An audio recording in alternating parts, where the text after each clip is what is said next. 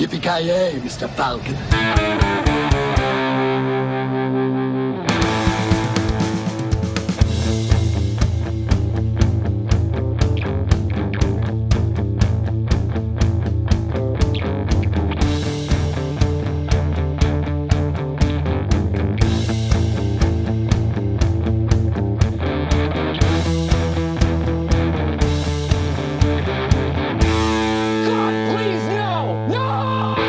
Tjena kära lyssnare! Välkomna till Filmsmakarna!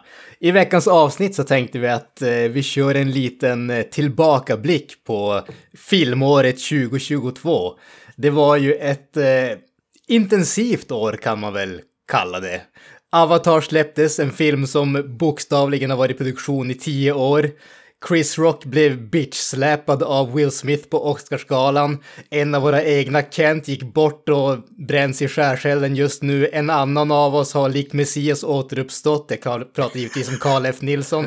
Det, det, har varit ett år fyllt av känslor och eh, ja, vi är helt enkelt här för att eh, prata ut. En terapisession, om det så vill kallas. för att inte eh, nämna att Nalle Puh blir skräckfilm, största, årets största filmnyhet. sant, sant, sant. Dock har ju den filmen inte släppts, men eh, vi, tar, nej, men, de, de, vi kommer nej. prata mycket om den i nästa års eh, retrospektiv, så att säga. Ja, ja, det är ju årets film 2023. ja, men resten som ni hörde där var ju givetvis Joakim Avoya. Mm. Hur ställer mm. du dig till 2022? Är du för eller emot? Ja, jag skulle säga att jag är för. Jag tycker det har varit ett bra år både på filmfront och även vad heter det, spelfront och alltså, jag tycker det har släppts mycket bra. Ja, men jag, började, kolla, jag började kolla så här, vilka filmer jag sett. Jag har sett faktiskt förvånansvärt många filmer ändå i år. Alltså filmer som har släppts under året så att säga. Eh, jag har inte varit så mycket på bio. Jag tror jag kollade på appen där, Filmstar. Jag tror jag varit på bio tre gånger under året eller något sånt där. Så det är ett av de åren jag förmodligen varit minst på bio på jävligt länge. Möjligtvis året innan kanske. Men, ja. Men mycket film hemma har det blivit. Det har ju varit definitivt ett, eh, och jag skulle säga att jag är faktiskt lite grann på samma nivå där. Alltså jag, nu har jag sett fler än tre filmer på bio, men det, det har nog varit ett, eh, ett år där jag ändå har sett ganska många nya filmer. Det känns som att, eh, mm. alltså streaming och allting sånt där, allting har ju blivit så jäkla lättillgängligt så att mycket av det man ser det, det, här är det dummaste man gör egentligen, speciellt när man håller på med en sån här grej. Men alltså det, det här med att se, hela tiden se på filmer som man vet att man tycker om, att se om filmer. Eh, har, är ju någonting som kanske blir lite av ett problem istället för att se på nya grejer. Men jag skulle säga att i år tror jag att jag har åtminstone vänt den trenden. Kanske inte till 100 procent, men åtminstone mer än jag gjorde tidigare år. Ja, men så, så är det ändå. Det, det tror jag ligger nog i det. Uh, ja, alltså... Visst, man har ju... Fast det är lite samma det är lite sådär comfort-grej att se om filmer sådär som man vet. Tycker bara, ah, ska jag se den här nya filmen eller ska jag se Pulp Fiction för 75 gången? Ja. L liksom, men, men jag har ändå försökt, försökt vara lite bättre på det. Under, som sagt, under det här, eller under förra året då, så, så har jag sett lite mer nya filmer. Jag har ändå släppt också en hel del faktiskt bra grejer. Så, uh, det, det, känns, det känns ju mer produktivt att se nya grejer på något sätt. Uh, än att uh, se om samma film. Ja, men så är, alltså det, det, det, är, så är det ju definitivt. Och speciellt när det kommer de där filmerna som man vet är ett säkert kort och som man har sett typ 15 gånger tidigare. Eh, mm. Det, det, kan ju kännas lite meningslöst. Men, men, men, innan vi börjar förhålla oss ut i andra grejer måste vi givetvis eh, välkomna Carl F. Nilsson in i podden. Återuppstådd och eh, återinkastad i hetluften, höll jag på att säga. Jag är Messias, som vi kunde konstatera förra gående avsnitt. Exakt, dyrkad som ingen annan. Eller är det som i fallet Brian att det, ja, det var miss, det jag syftade på, men det kanske gick eh, över huvudet på Misstas för, misstas för Messias. Ja, precis. Jag är, så, jag är Bjälsebub istället. Ja, alltså, jag, jag, tänker att om Kalle är Messias så Avoy är definitivt snubben som sitter naken i ett hål i marken. ja, just det. ja, just det. Ja, bra skägg på Mr. Avoya dock i alla fall. Ja. Jag sitter ofta i hål i marken naken, så det stämmer ju. Ja, jo, det, det är den bilden jag har fått av det. Varje gång du har kommit förbi och hälsat på så har jag suttit i ett hål. Ja. Naken. Exakt, exakt. Ja men mm. Kalle, alltså jag, känner ju att jag måste ju vända frågan på dig på ett helt annat sätt. Hur känns det att vara tillbaka i podden? Även om du nu av någon anledning insisterar på att du gästar så känns det som att du är åtminstone semipermanent vid det här laget. Ja, jag vet, jag vet inte. Kent uh, pratar ju inte med oss längre, så jag antar att han bara ghostade oss. Jag gav Nej, jag sa ju, han ligger ju i skärselden just nu. Ja, precis. Jag, menar, jag har ju ändå åtminstone givit bara, tja tja, hörni, jag vill hoppa av lite här nu, jag vill göra något annat under en kort period. Uh, Medan den andra jäveln bara, ja men kan du, kan du vara med och spela in ett par gånger eller va? Ja, det kan jag väl göra. Hur många gånger då? då? Ett halvår senare bara, okej. Okay. Ja, men det var, det var ju den där, alltså, ja, alltså jag, jag ska ju flytta, det blir ganska mycket, så att jag kanske måste ta en paus i några veckor, så när vi inte hört talas om honom efter det. Nej, Ken sa, alltså, det, han, det var typ sagt, eller han sa väl typ att möjligtvis, ja, ah, typ kanske såhär november eller något sånt där, möjligtvis. Mm. Och så nu är det typ snart februari. Ni ska bara veta hur skönt det är att inte podda. Det är jättetrevligt att prata med er och gagga skit sådär, men så fort det är en mikrofon framför den så blir det lite bara, uh, okej. Okay. Det, det, det, det, är kul att folk lyssnar, det är liksom, det är dragpunkten hela det här och uh, jag vill bara ge en shoutout till uh, film med Joakim, tror jag han heter. Han gav en väldigt uh, gullig och uh, ja, sincere mm. kärleksförklaring till podden, så stort tack och tack för att ni lyssnar. Nej, för, för att han slapp lyssna på Once upon a time in Mexico och fick Life ja, of Brian. Precis. Och fick Life of Brian istället. Jag tar på mig den skulden för jag har jag exporterar bort, jag vet det, fel spår. Uh, retard alert, jag vet. Oh. Vi använder ja, inte sådana ord i den här podden. Ja, precis. Jag menar, sex år i poddens uh, historia, liksom, har poddat hur länge Jan, som helst. Och, Granström tar, ex, tar extremt illa upp av den där. Vänta nu. you said okay. it, you said it, not me. Det är lugnt. Det är lugnt. Ja, nej, jag vet inte riktigt om... Vi tänkte ju att eh, vi skippar den här uh, ideliga diskussionen om årets bästa filmer och den skiten, därför att i slutändan är det så att det är objektiva subjektiva. Det är subjektiva åsikter. Eh, och det är en meningslös diskussion som inte fyller någon egentlig funktion. Så vi tänkte helt enkelt att ja, men vi tar och rekommenderar några filmer var helt enkelt. Och vi gör det inte svårare än att det enda kravet det är att filmen ska vara släppt under 2022. Det kan vara hur bra som helst. Det kan vara att ni rekommenderar att folk ska se den för att den, ska vara, för att den är så jäkla dålig. Det är kravlöst. Den ska vara släppt under 2022. Och utöver det, skjut från höften höll jag på att säga. Så att mm. eh, jag tänker att för fasiken, jag kastar över bollen mm. till eh, Avoya och eh, mm. ger din första rekommendation. Alltså när jag valde ut mina rekommendationer tänkte jag att jag tänkte mig så här att välja tre, eller ja, tre, jag vet inte hur många, men jag väljer filmer som vi inte haft med i podden för att det ska bli lite mer intressant. Så det blir ju inget jag tänker inte ta upp typ Clerks 3 eller Weird Al-filmen eller The Batman eller no någonting sånt där. För det känns, det, det, har vi pratat om redan. Så det kändes, det kändes inte lika intressant. Uh, så därför tänkte jag, min första film, jag tror inte vi har pratat om den i podden, jag är ganska säker på, men det är en film som heter Everything Everywhere All At Once. Ja, jag har hört, eh, hört talas om den, men uh, ja. det kommer bli ett väldigt genomgående sekvens i den här avsnittet att Kalle har hört talas om filmer som släppts men Kalle har inte kollat på filmer som har släppts så. så, därför kommer Kalle så här, um, jag har sett på Clint Eastwoods uh, man, uh, Under den gode den fule. Exakt. Från, från 1967 eller vad fan Precis, exakt så. det är en jävligt bra film för övrigt. Don't knock that one. Exakt. Nej men Everything Everywhere All At Once är en jävligt mysko speciell film som egentligen är svår att förklara för det är typ så multiverse och det är kampsport och det är komedi och det är ja, jag vet inte riktigt hur man ska... allting, ja, hela tiden på en och samma Ja, precis, gång. som, precis som titeln antyder. Men det är en typ, jag skulle säga att det är en väldigt bra feel good film Det är sådär, den har ett bra message, den är jävligt snygg, den är jävligt underhållande. Michelle Yeoh, Yeoh, hur man nu uttalar hennes namn, spelar huvudrollen. Hon är äh, jävligt bra. Äh, Jamie Lee Curtis är med, James Hong, jävligt badass. Och även, vad heter det, den här, han som spelar Short Round, tror jag, karaktär i en av Indiana Jones-filmerna, en liten, han var barnskådis då, och han har väl typ inte gjort en film sedan dess ungefär. Fick någon slags comeback i den här filmen. Eh, mm. Men det är en jävligt underhållande film. Det är, eh, som sagt, det är, så multi, det är flera universum och det är, den är oerhört svår att för, förklara. Men ja, jag, jag tycker bara, egentligen ska man inte kolla upp någonting om filmen, utan bara se den istället. Eh, för det, det går som inte att förklara i ord, men det, det, är definitivt en av förra årets bästa filmer och ja, alltså det är två stora tummar upp, rakt upp i luften, skulle jag säga.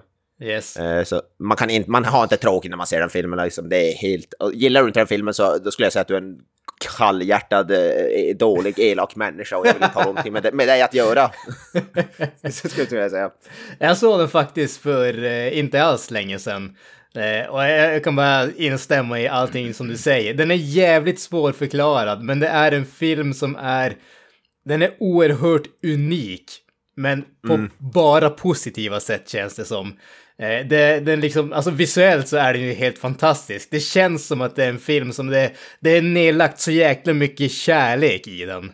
Känns det som. Det, det, känns som att alla som är med i den ville verkligen att det skulle vara någonting speciellt och de lyckades med det. Alltså det roliga är, ser man så här, vad heter det, intervjuer, typ Jamie Lee Curtis, och det är ingen av dem bara, I, I have no idea liksom vad filmen handlar om, jag kan inte förklara. liksom, vad fan är det? Det finns en donut med i filmen som innehåller allting från he i hela universum på en, vad fan är det, på en donut. Mm. Det, det, donut of the universe eller vad de kallar det. Så Känns som att det kan bli plus minus noll på den donuten faktiskt. Det är märkligt, ja, det, det, det går inte att förklara i ord men. Man, äh, se filmen i alla fall, det är de som inte har sett den. Pratar den här munken också eller? Uh, nej, det är en okay, donut fan. som bara ja, svävar i ett rum. Och som tydligen innehåller allting som överhuvudtaget finns i hela universumet och någonting har funnits och kommer finnas. Det är det enda jag kan säga. Okej. Exakt. Ja men eh, vi kastar vidare bollen till eh, Kalle. Ja. Eh, Ja, det här året, eh, eller föregående år ska jag väl säga, vi är inne på 2023 nu, sake. Eh, ja, det är svårt det där. Jag, jag är fortfarande ja, kvar för mig. Att det är många som skriver 2022 fortfarande. man måste ändå bara fan sudda ut skiten. Ja, precis. Och det är nu är det när det är digitalt och sen har man redan skickat iväg skiten och bara ah, fuck ja. mig jävla... Jag bara skriver typ såhär tax returns, bara fuck, fel år! jag får ingen skatteåterbäring. Nej men det här har ju varit eh, lite regressionsår eh, för mig egentligen. Jag har kollat på väldigt mycket gammalt, men där och då kom det ju en, en gammal vän kan man väl säga snarare i eh, Jackass Forever. Eh, och eh, ja, eh, för folk som inte eller har bott under en sten kan jag väl konstatera att eh, Jackass-killarna var ju stora på 2000 Liksom, talet, liksom tidigt 2000-tal och eh, nu är de fucking avdankade utan dess like och eh, ja, Johnny Knoxville får, eh, ja, hår, tra inte transplantation, men han, hans hår blir grått under inspelningen av den här filmen då, så midway så skiftar hans hår från kolsvart till supergrått, så det blir lite jarring på det sättet, men det, det är ju det är ju samma människor i stort sett, bortsett från Bam Margera.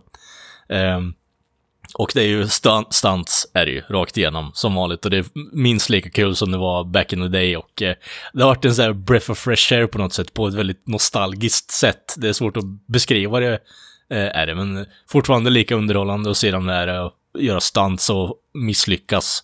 Eh, även om de är lite mer försiktiga än vad de var när de var 20 och bara bestämde sig för att typ dra en, eh, ja, ska man säga, beard chug och sen get on with it. Det är inte riktigt på samma ställe nu. Alla är ju nykterister tack vare Steve-O liksom och eh, God bless liksom. Det, det, är klart han ska inte ge sig på såsen igen för han har ju mer eller mindre fuckat upp sitt liv och eh, ja, han har väl blivit lite mer resurgence nu. I och med den här filmen så har han ju börjat podcasta också och är superframgångsrik. Så det är ju kul. Han verkar ändå, jag såg, han var, Steve O var med i en eh, heter det, intervju på en podd som jag lyssnade på. Eh, Andy Richter, han podcast som jag hjälpte och då var Steve O gäst och han, han verkar, alltså han är ju han är, ju så crazy game, men han verkar jävligt intelligent och smart affärsman och grejer. Typ så ja, det är han ju. Han har investerat väldigt bra. Eh, sen ja. så har han ju gjort jävligt mycket dumma stunts. Eh, Ja, ja, fan. under åren och återigen, hans röst har ju blivit fuckad på helt uh, oli alltså, olika sätt nu. Det, det, bara, det låter som han ja, han, alltså, han, liksom, alltså, ja, det, det låter nästan...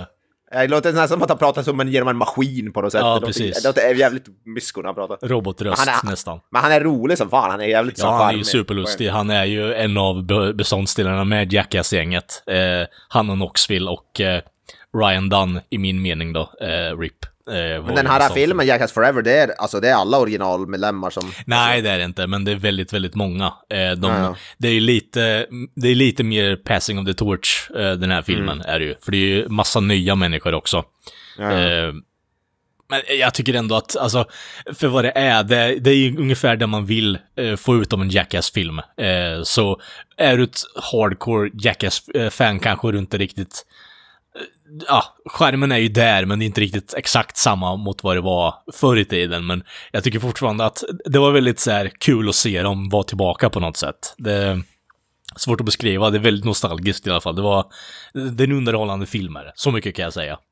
Det är eh, tydligen regisserad, eh, jag har inte sett filmen, men den är regisserad av samma eh, snubbe som gjorde den här filmen The Dirt som vi har pratat om i mm. ett avsnitt tidigare. Den här, uh, ja Mötley Crüe är det väl? Ja.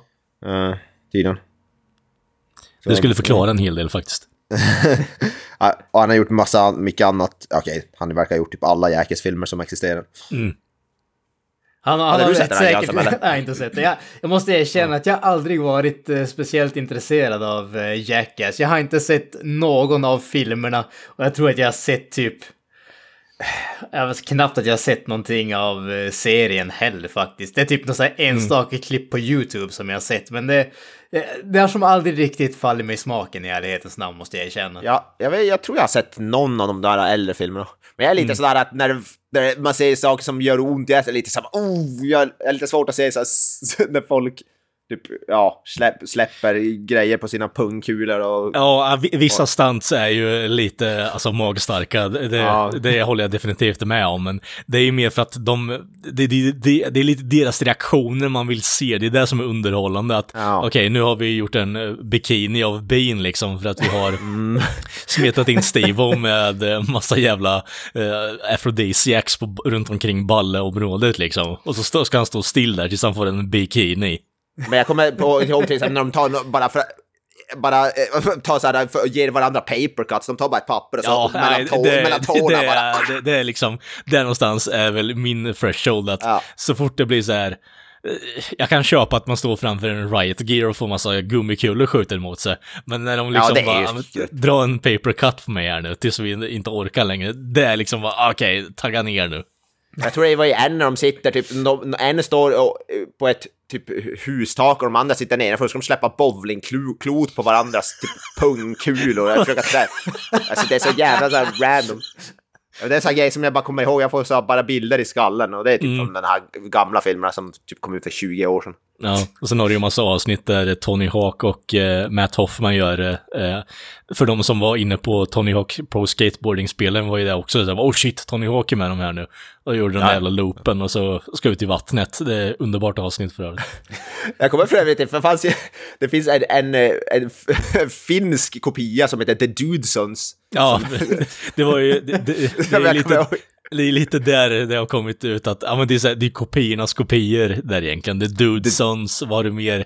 Eh, ja, det fanns en annan Dirty som var... Sanchez hade du ju också. Ja, just det, ja. Eh, så det var ju supermånga som skulle göra, inte parodi på det, men dra in the, the cash money på och uh, göra dumma stans liksom. På att göra illa sig själv i stort sett. Ja, det som var så jävla roliga när de pratade och så engelska med finsk brytning.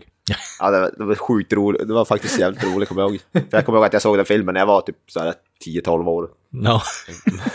ja, Nåväl. Good, good times i alla fall. Och ja. är man ett stort fan av dem så tycker jag att man ska ge en kollning på till. Ja. ja. Nice, nice. Granström. Eh, yes, yes, yes. Min första rekommendation eh, till kanske ingens eh, förvåning i och med att eh, min favoritregissör Guillermo del Toro släppte ju en ny film. Inte alls länge sedan, utan faktiskt i början av eh, december. Så att eh, det, det var ju en, jag får säga en överraskning, men det var det ju inte. Men ja, just det. Fan, jag började tänka, vilka, vilka, ja, jag vet vilken film. Jag tänkte, vad fan har han släppt? Men nu vet ja. jag. Jag kommer på. Jag pratar givetvis om eh, Pinocchio alltså. Mm, Hans eh, stop motion animerade version av eh, den klassiska sagan, eller boken, vad man ska kalla det. För, för mig så är ju Pinocchio enbart egentligen Disney-filmen från vet jag, 40-talet, 50-talet, way, way mm. back when. Eh, det, det, jag växte upp på den filmen eh, och eh, det, det, är som det som man har förknippat. Jag tror att jag och hela västvärlden har förknippat eh, Pinocchio betydligt mer med den filmen än originalhistorien. Eh, och Guillermo del Toro, han, det är ju inte om man säger slaviskt, nu har inte jag läst det, men det är inte slaviskt följa eh, originalhistorien heller, utan han har ju flyttat eh, om saker och handlingen och hela grejen med det där. Alltså det är ju hans version av hela, hela sagan. Eh, men den är ju, för det första så måste man ju säga, likt allting annat som Guillermo del Toro har fingrarna med i så är det ju ett fantastiskt hantverk. Alltså, eh, just stop motion animering är ju någonting som är väldigt speciellt. Det, det, kräver väldigt mycket, både tidsmässigt, precisionsmässigt. Alltså, det, det känns som att det är ett hantverk på ett mer äkta sätt än många andra typer av film. Det räcker inte bara med att sätta en kamera framför och liksom latcha runt lite grann. Eh, så att... Lite som vi sa med Mad God. Det är ju det är också en stop motion-film. Ju ja. Samma. Precis. Eh, frågan är ju, är det datoranimerad stop motion eller är det faktisk stop motion? Nej, det är äkta stop motion. Ja, nice. Phil Tippett-style. exakt, exakt. Har Phil Tippett jobbat på den filmen? För det, han, jag vet att Guillermo del Toro är ett fan av Phil Tippett. Eh, han har inte gjort det. Eh, okay. åtminstone inte vad jag kan eh, läsa mig till. Så nej, jag är okay. bekväm med att säga nej på den frågan utan några större tveksamheter. Men, men ja. som sagt, alltså det är en riktigt, riktigt välgjord film. Liksom allting som Del Toro gör så har den väldigt mycket hjärta. Eh, det, det som han sa, som jag läste senare och som verkligen stämmer in väldigt mycket på den här filmen, eh, är att alla andra versioner av Pinocchio handlar om att Pinocchio ska lära sig att vara en riktig pojke. Eh, och det som han sa, som Del Toro sa om den här filmen, är att den handlar egentligen om att Geppetto ska lära sig att bli en riktig par, en riktig far. Eh, och det. det. stämmer in väldigt, väldigt bra. Det är fortfarande Pinocchios historia, men man, den, den tar en annan vändning på det hela om man säger så. Men som sagt, alltså det är en fantastiskt välgjord film på alla sätt och vis. Eh, det, är, det finns egentligen bara en sak som jag störde mig på och det, det, det, det är en sån här grej. Huvudskådisen, eller ungen som gör rösten till Pinocchio, eh, det är en jättebra performance. Han, han gör just rösten jättebra, men han har en engelsk brytning hela tiden och det är lite småstörande kan jag tycka när filmen utspelas i Italien och alla liksom de andra karaktärerna är italienska eller internationella på andra sätt med en förklaring. Men här har vi en unge som är liksom barn till en italienare och han pratar med en engelsk brytning och det är som bara att, äh, det är lite störande måste jag erkänna. Men, men... Alltså det där är ju en återkommande grej i Hollywood när man ska, typ, The Northman gjorde samma, den ska utspela sig i, ja, i alltså Skandinavien och, och då, där pratar alla engelska fast med en brytning. Och jag har liksom aldrig förstått det konceptet. Varför inte bara få, låta dem prata antingen språket original eller bara prata som de pratar vanligt? Jag har aldrig förstått det här mellantinget. Det jag, kan, jag, kan ändå, jag kan ändå köpa det bara för att liksom den breda massan. Men, men jag känner att de pratar, alla pratar ju engelska i den här filmen, men kunde de inte bara fått någon som kunde göra en engelsk brytning eller be ungen göra en engelsk brytning om en, engelsk, en italiensk brytning om man klarar av det. Det, det är liksom, det, det, är bara en sån grej. Men det, det, det är en bisak. Det är en fantastisk film, ett fantastiskt hantverk och den är väl värd att se, speciellt i och med att den är släppt på Netflix så att liksom inkörsporten är ju noll kronor eller på att säga. Alla har ju en prenumeration vid det här laget. Så att, Just det, den är ganska mörk också, den är nästan lite halvskräck har jag hört. Ah, alltså det... Jag skulle inte gå så långt. Den är definitivt mörkare än Disney-versionen. Den, tar ju ah. upp, om man säger, den tar upp liv och död på ett eh, mörkare sätt, definitivt. Och den har ju mer att göra med, eh, vad heter det, fascismen och de bitarna. Så att det finns definitivt mörkare aspekter, men jag skulle inte säga att det är liksom skräck Eh, inspirerat eller någonting. Det är inte så mörkt. Men, vänta, men vänta nu, den här filmen är alltså Pinocchio under Mussolini-tiden typ, eller vadå? Ja, typ ish. Ja. Okay. jag, har, jag, har fan, jag har fan tänkt se den, men jag hade helt glömt bort att den existerar. Ja, men, ta, ta och se den. Den, den ja, jag måste fan göra det, för jag älskar ju Guillermo del Toro. Ja, Hur var Ewan McGregor som eh, Sebastian J. Cricket då? Jag tycker han är bra. Det enda som jag kan störa mig lite grann på där också, det, det, det här är inget problem med, med det egentligen. För mig så har Ewan McGregor en så säregen röst, så att så fort Benjamin syrsa som hon... Ja, han är ju fan vad Skott, skott typ. Ja, precis. Skott. Men, men mm. så fort han öppnar rösten så hör jag att det är Ewan McGregor som gör rösten. Och det, det är en sån där grej att det, det är en bisak i sammanhanget. Och har man inte sett honom i en miljard filmer så tror jag inte att man tänker så. Men för mig blir det lite svårt att koppla bort det också. Mm. Jag vill bara att du tar upp lite hur du tänker kring när, eh, när syrsan där börjar ta fram ett, eh, en gummislang och drar den runt armen liksom och börjar skjuta upp vad du tänker. Trainspotting Exakt. Nej men alltså, jag, jag var ju ändå beredd på att eh, Del Toro skulle göra någonting som var lite mörkare. Så jag tänkte att ja men alltså det var väl vid den här tiden som folk började experimentera och sånt där. Du vet, eh, halva befolkningen i Italien, Italien är fascister och den andra mm. hälften har blivit liksom blinda för att de dricker mest. Ja, jag menar, det, jag det, tänker, det säger sig självt jag att det också skjutit upp, Jag hade nog också skjutit upp om Mussolini var min uh, överväldiga härskare liksom. Ja, ja men lite ja, grann åt det hållet känner jag att det är. Det, det som jag kan tycka att han fegar ut lite grann, det är att inga av barnen tar ju några droger eller något sånt För, det, jag menar, alla vet ju att det gjorde de. Det, det, var liksom, det är, det är typ därför Italien inte har någon alltså, framtid. Alltså, det är väl det de gör egentligen i novellen, men alltså visst, den tecknade filmen som du refererar till, där blir de ju bara fulla egentligen, så jag vet inte. visst, är, visst är det förresten så, det, det släpptes två Pinocchio-filmer under 2022, varför släpp, ja, släpptes den? Ja, släppte en också samtidigt. Ja, Precis, som, som blivit typ totalsågad. Ja, men det är lite underligt att, eller det är väl egentligen ganska vanligt att det är så här, alltid någon som släpper en, det kommer ju alltid typ det kommer väl typ två, vad heter det, Lejonkungen eller två, något sånt där typ. Uh, det två Djungelboken var det kom det typ ett år och så vidare och så vidare. Ja. Det är som alltid. Av, no av någon anledning. Det är lite bisarrt att det mm. händer just med Pinocchio med tanke på att uh, Del Toro vill ju ursprungligen släppa den här filmen någonstans kring 2013-2014 men eh, den hamnade i development hell och i ganska många år så att eh, det, det var en lite udda timing med tanke på att det hände och så sen när man väl får släppa den så har det helt plötsligt släppts en till en. Ja, men jag tänkte säga, det, det känns som att en sån här eh, stop motion, det passar Guillermo del Toro för han har ju, jag vet inte, men han har väl ja, använt det i någon tidigare film, tror jag, jag för mig. Uh, lite grann. Men han, ja, han är ju uttalat fan av, vad heter det, stop motion och det passar ju hans som, han, gör, han, är, ju, han är ju som uh, kungen av när det kommer till så här, varelser och uh, sånt där. Så det känns som att det här borde ju passa han som handen i handsken. En sån här typ av känns som att Mr Granström tar upp det varje gång med en Pons labyrint? Frågetecken. Ja, precis. Ja, ja Pons labyrint är ju fenomenalt bra. Uh, så, yes. ja. En av de bästa men, filmerna någonsin. Ja, men jag ja, tänker är, i så fall, alltså det känns som att uh, den här Zemeckis-filmen måste ju på något sätt vara lite av en counteroffer till det här bara på grund av att de vet lite med sig Disney att nu vet jag inte om Disney äger rättigheterna fortfarande, men jag antar det. Uh, att bara, ja men, uh, ja vi vet ju att han tycker om monster och konstiga grejer, så vi, vi, gör ett barnvänligt alternativ här, så släpper vi samtidigt så här. har du någonting på lager, Robert? Ja, jag, jag, kan, jag kan koka upp en film, det är lugnt. Det kräver inte så mycket att koka, koka upp den skiten så att säga. Nej, jag, jag ska inte säga det, jag ska inte uttala mig, men eh, med tanke på det kritiska. Nej, jag såg bara posten, den såg för Ja, det är roligt att vi i rollen som Mussolini så har vi, vad heter det, Svamp på fyrkant himself. De, det, var, det var fan otippad ja, casting. Tom Kenny. Tom Kenny, fan vad cool. det var fan otippat. Han är fan, det är fan briljant alltså. Yes. Ja, men vi drar vidare till eh, Avoyas eh, rekommendation nummer dos.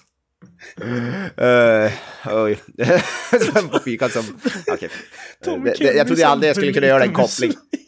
ja. ja. Här, här kopplar vi svamp på fyrkant till Mussolini. Det är... Ja, för fan vad bra. Mm, det är bra. Ja, eh, filmrekommendation nummer två, ja. Eh, jag tänkte att jag måste ju ta upp eh, eh, filmernas film, en av de bästa skräck-slashers som jag någonsin har sett. Eh, Terrifier nummer två, DOS. Eh, en av, kanske årets bästa, förra årets bästa film enligt mig, möjligtvis. I alla fall topp tre. Eh, eh den, jag tror det var någon, jag läste på Twitter så här, vet du, att med den där filmen så har man skapat den första mm, epic mega slashern typ. Eller och det tycker jag väl förklarar ganska bra, för det är en slasher som är ungefär två och en halv timme lång. Och jag tror jag aldrig har sett en slasher som är längre än 1,40 kanske, en och en halv. Eh, så, så bara, bara det, det, men det är inte bara att den är inte bara lång för sakens skull ska jag säga, för den är fruktansvärt underhållande. Eh, det är kanske den våldsammaste filmen jag har sett i hela mitt liv, den är där uppe, men den blir samtidigt aldrig magstark för våldet är så pass cartoonish att det, det är mest bara underhållande skulle jag säga. Eh, det är jävligt välgjort våld, alltså de praktiska specialeffekterna är riktigt jävla bra. Men det blir aldrig så här att jag blir aldrig att jag vill jag blir aldrig så här illa till mods eller någonting. Det är, Intressant det att du säger det med tanke på att du inte tycker om Jackass för att det... ja, men Jackass är ju fan, det är ju, på, det är ju, på, det är ju 100% verkligt, för det, där gör de ju allt sånt. Jag vill ha mitt våld påhittat och ori... och, och, och i Terrifier 2 är det nästan så, så pass vad heter det, det är så pass överdrivet att det, att det, det blir, blir inte ens, det ser inte ens verkligt ut. Alltså det, det är inte så gritty eller det är inte...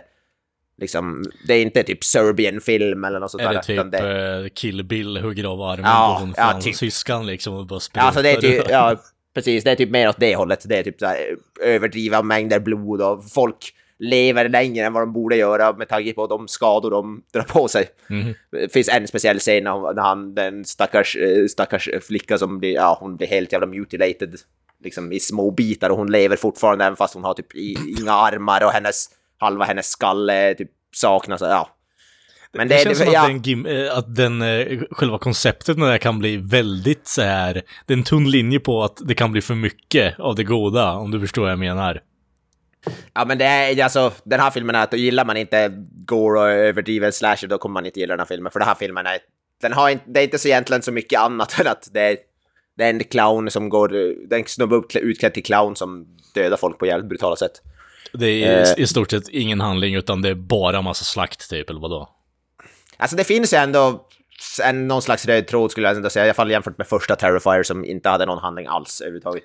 Nej. Så den här skulle jag ändå säga har lite mer handling faktiskt, det måste jag säga. Men det är definitivt ingen film du ser för att den har en jättespännande handling. Skulle jag Nej, för, för, jag menar, vi har ju pissat på att det är för lite kills i typ Fredag den 13 filmerna när vi kollar på det.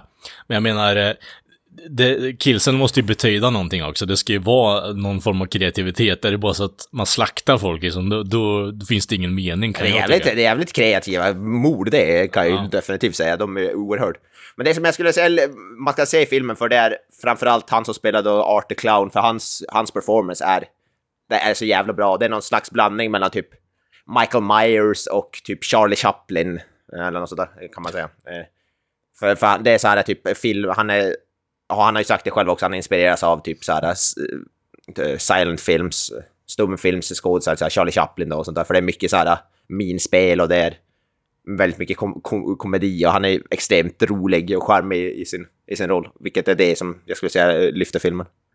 Så om man överhuvudtaget gillar slasher skulle jag säga att Terrifier 2, det, alltså det blir inte bättre än så när det kommer till slashers. Det är i toppen. Eh, Gillar man inte slasher så kommer du inte gilla den här filmen. Det finns inte, dörr, bara håll dig borta. Alltså. Det, det, är inte, inte en chans att du kommer, kommer gilla den här filmen.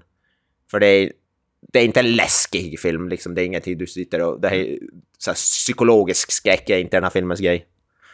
Eh, skulle jag säga. Men eh, jävligt, jävligt bra. Eh, ser fram emot att se om den. Och det ska ju komma nu, den gick ju fruktansvärt bra på bio också, så det kommer ju en trea är redan bekräftad. Eh, har dragit in typ, vad fan var det, 10 plus miljoner på en budget av, jag tror jag, 250 000 eller sådär, dollar. Fy fan. Ja, alltså det, det, måste man säga att de har ju gjort jävligt mycket med eh, den lilla budgeten som de hade. Eh, det, det är definitivt inte en film där de, vad heter det, det, man, det är inte en film där det känns som att de har varit tvungna att spara in för att de hade så lite pengar. Det är snarare så att man tänker att hur fasiken kunde de göra det här med tanke på budgeten som de hade? Ja, med tanke på att praktiska specialeffekter är ju eh, också jävligt dyra. Så jag antar att mesta av budgeten gick åt till det. Men vad heter det, är de som har gjort de här effekterna, har de någon form av background i eh, andra filmer då, som, så att man ändå får ja. någon koppling till att... Ja, jag tror han, jag tror regissören är väl en, vad heter det, special effects, alltså special effects guy, han som mm. har regisserat filmen. Så, ja, jag vet inte exakt vilka filmer han jobbat på tidigare, men jag vet att han har en bakgrund inom specialeffekter framförallt. Ja, jag har inte sett filmen själv, men jag har ju hört dig och Mr Granström prata gott om den och mm. eh, sen så måste jag säga att jag har ju sett väldigt mycket påtryck utanför podden också, så eh, den har ju fått väldigt mycket gratis eh, PR kan man ju säga. ja, ja.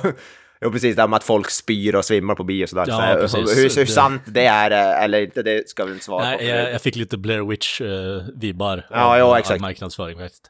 Och typ, ja, det är eh, väldigt smart marknadsföring uppenbarligen, för det har ju fungerat. Så. Ja, jag ja. menar, grilla marknadsföring är ju inget nytt direkt, men jag menar, ja. det är klart, funkar det så funkar det. Men ja. det, det, det tar ju ett par år innan det funkar igen, liksom, så nu är ju det kortet lagt. ja, precis.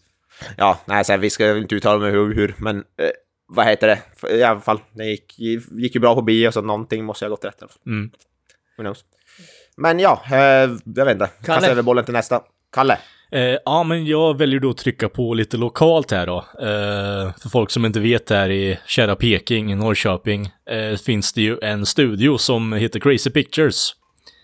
Eh, och de har ju då gjort en film som eh, först heter den blomstertid nu kommer blev stort och eh, de fick då securing eh, för mer funding till en ny film som heter UFO Sweden. Eh, den släpptes den 25 december, så precis på håret, eh, det berömda håret, för att klassas som det berömda könshåret. Jag tänkte jag skulle vara lite mer taktfull, men visst, på, ah. på det berömda fitthåret kan vi väl säga. Precis. Men det här är ju då en, ja, ska man säga, rymden och ufon är ju fokus i den här filmen. Eller den tar den stora scenen, men fokuset är ju då eh, eh Fast and the Furious eh, Family. Eh, det är det som är fokus i den här filmen och det är, jag skulle säga att det är en drama, komedi, science fiction. Det, det är väldigt mycket är den. Men den har väldigt mycket hjärta. Eh, och eh, i och med att jag kommer härifrån så är det ju massa locations härifrån eh, som man känner igen. Det blir väldigt mycket dragkraft på det sättet också. Eh, du var inte med i bakgrunden som en extra, eller? Nej, men eh, funny enough så har vi faktiskt på jobbet gjort rekvisita till filmen. Så eh, vi finns med på ett oh. specifikt håll i den här filmen, så Ja, men det är, nu har du inte, vad heter det, objektiv så nu... Nej, men vet du vad, jag har gett upp min eh, karriär som journalist här nu, så det, det är för, övrigt en väldigt genuint bra film. Det, den ska, är väldigt bra gjord den. Jag ska anmäla dig till den här nämnden. Ja, som jag inte den, vet den som jag inte är med i längre. Det, det är ju jävligt bra, Mr. Voja. Nej, fy fan. Det är inte bra. Du, det, här, det känns partiskt. Ja, jag vet. Jag är väldigt partisk. För eh, ärligt talat, jag såg den igår, eh, gjorde jag. Eh, och, eh, ja men, eh, jag har ett eh, tråkigt jävla, eh, alltså, eh, inställning till film i dagsläget. Jag är väldigt anti när det kommer till så här, det är för mycket superhjältefilmer, det är för mycket fucking jävla sequels och liknande.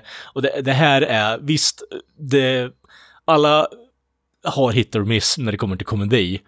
Eh, och den här har hit, hits and miss, men jag tycker ärligt talat att det här är en genuint en genuint bra film. Eh, hantverksmässigt. Storyn är, alltså det handlar om en övergiven tjej som egentligen vill hitta sin plats här i världen. Eh, för att hennes pappa har lämnat henne för att leta efter ufon eh, i stort sett. Eh, och eh, ja, hon kommer väl under resans gång på att hennes far är lite av en deadbeat. Eh, och hittar en ny familj därigenom den där resan då. Så eh, det är en bra dramafilm även om science fiction är en stor del i den. Eh, och jag tycker ärligt talat att de framhäver det här förhållandet väldigt mycket bättre eh, än vad det är en science fiction-film. Effekterna är top notch, det har jag definitivt ingenting att kommentera på, men eh, det är mer en dramafilm än vad det är en science fiction skulle jag vilja säga, och jag tycker att de gör det väldigt bra. Och eh, jag var inte riktigt beredd på den eh, högerkroken som, eh, för jag, jag var, jag trodde att, ah, okay, vad är det då? Det, det kan vara en ny ehm, eh Stranger Things-klon. Eh, och det är många som har sagt att det är det, men jag håller definitivt inte med om det. Inte alls. Eh, det, är, det är mer en dramafilm om någonting faktiskt. Och det, eh, det var en väldigt trevlig bris i dagens filmsamhälle och jag skulle vilja Eh, väldigt, ärligt, ärligt talat, tycker du om att se något nytt på, på det sättet och porträttering av förhållanden, så skulle jag säga, ärligt talat, re rekommendera den här filmen. Det, det den är extremt underhållande, den har roliga stunder också. Eh, karaktärer som är, ja, väldigt eh, Norrköpingska ska man väl säga. Eh, så därigenom kommer mycket humorn med uttryck som är eh, besatta här i då. Eh, att man är väldigt inskränkt i att, okej, okay, nu, nu är det Norrköping slang här och nu jävlar brer vi på med östgötskan också. Eh, vilket eh, är hit or miss eh, för vissa. För mig tycker det, jag, jag tycker att det är skitkul ibland, så bara där är ju plus i kanten. Men eh, ärligt talat, det är en bra film. Eh, även om jag har ett litet finger med i den. Eh. Just det. en avbruten så, fingernagel. Ja, precis. Hade, exakt. Hade ja, du sett den förra filmen de gjorde, den här Bromsertid nu kommer? Hade du sett den eller? Nej, jag, jag har faktiskt inte gjort det. Eh, inte jag heller. Det, det, är många som har alltså, kastat lite smuts på den, men ärligt jag, jag, kan inte sätta, jag kan inte sätta fingret. För jag, jag har velat se på den, men det har aldrig blivit av. Eh, så jag måste nog nästan eh, ta upp och börja, alltså, och leta upp den och kolla på den faktiskt. Ja. För eh, den här var väldigt bra. Det är ju inte så vanligt att man får så här lite mer påkostade typ. Ja, det är väl någon slags sci-fi rymdfilm. Det är i alla fall den, den som jag förstått. Och det är inte så vanligt att sådana filmer kommer från Sverige. Så det är. Nej. Alltså, det, det känns som att senaste gången var ju Terror in the Midnight Sun på 50-talet. Ja, precis. Ja, ja, ja, men vi kan säga att det kan bara gå upp, upp för därifrån. men ja, men vad, vad, var det den heter? På- Äh, jag tappade originaltiteln. Rymdinvasion i Lappland. Rymdinvasion i Lappland. ja, Rymdversion i Lappland. ja.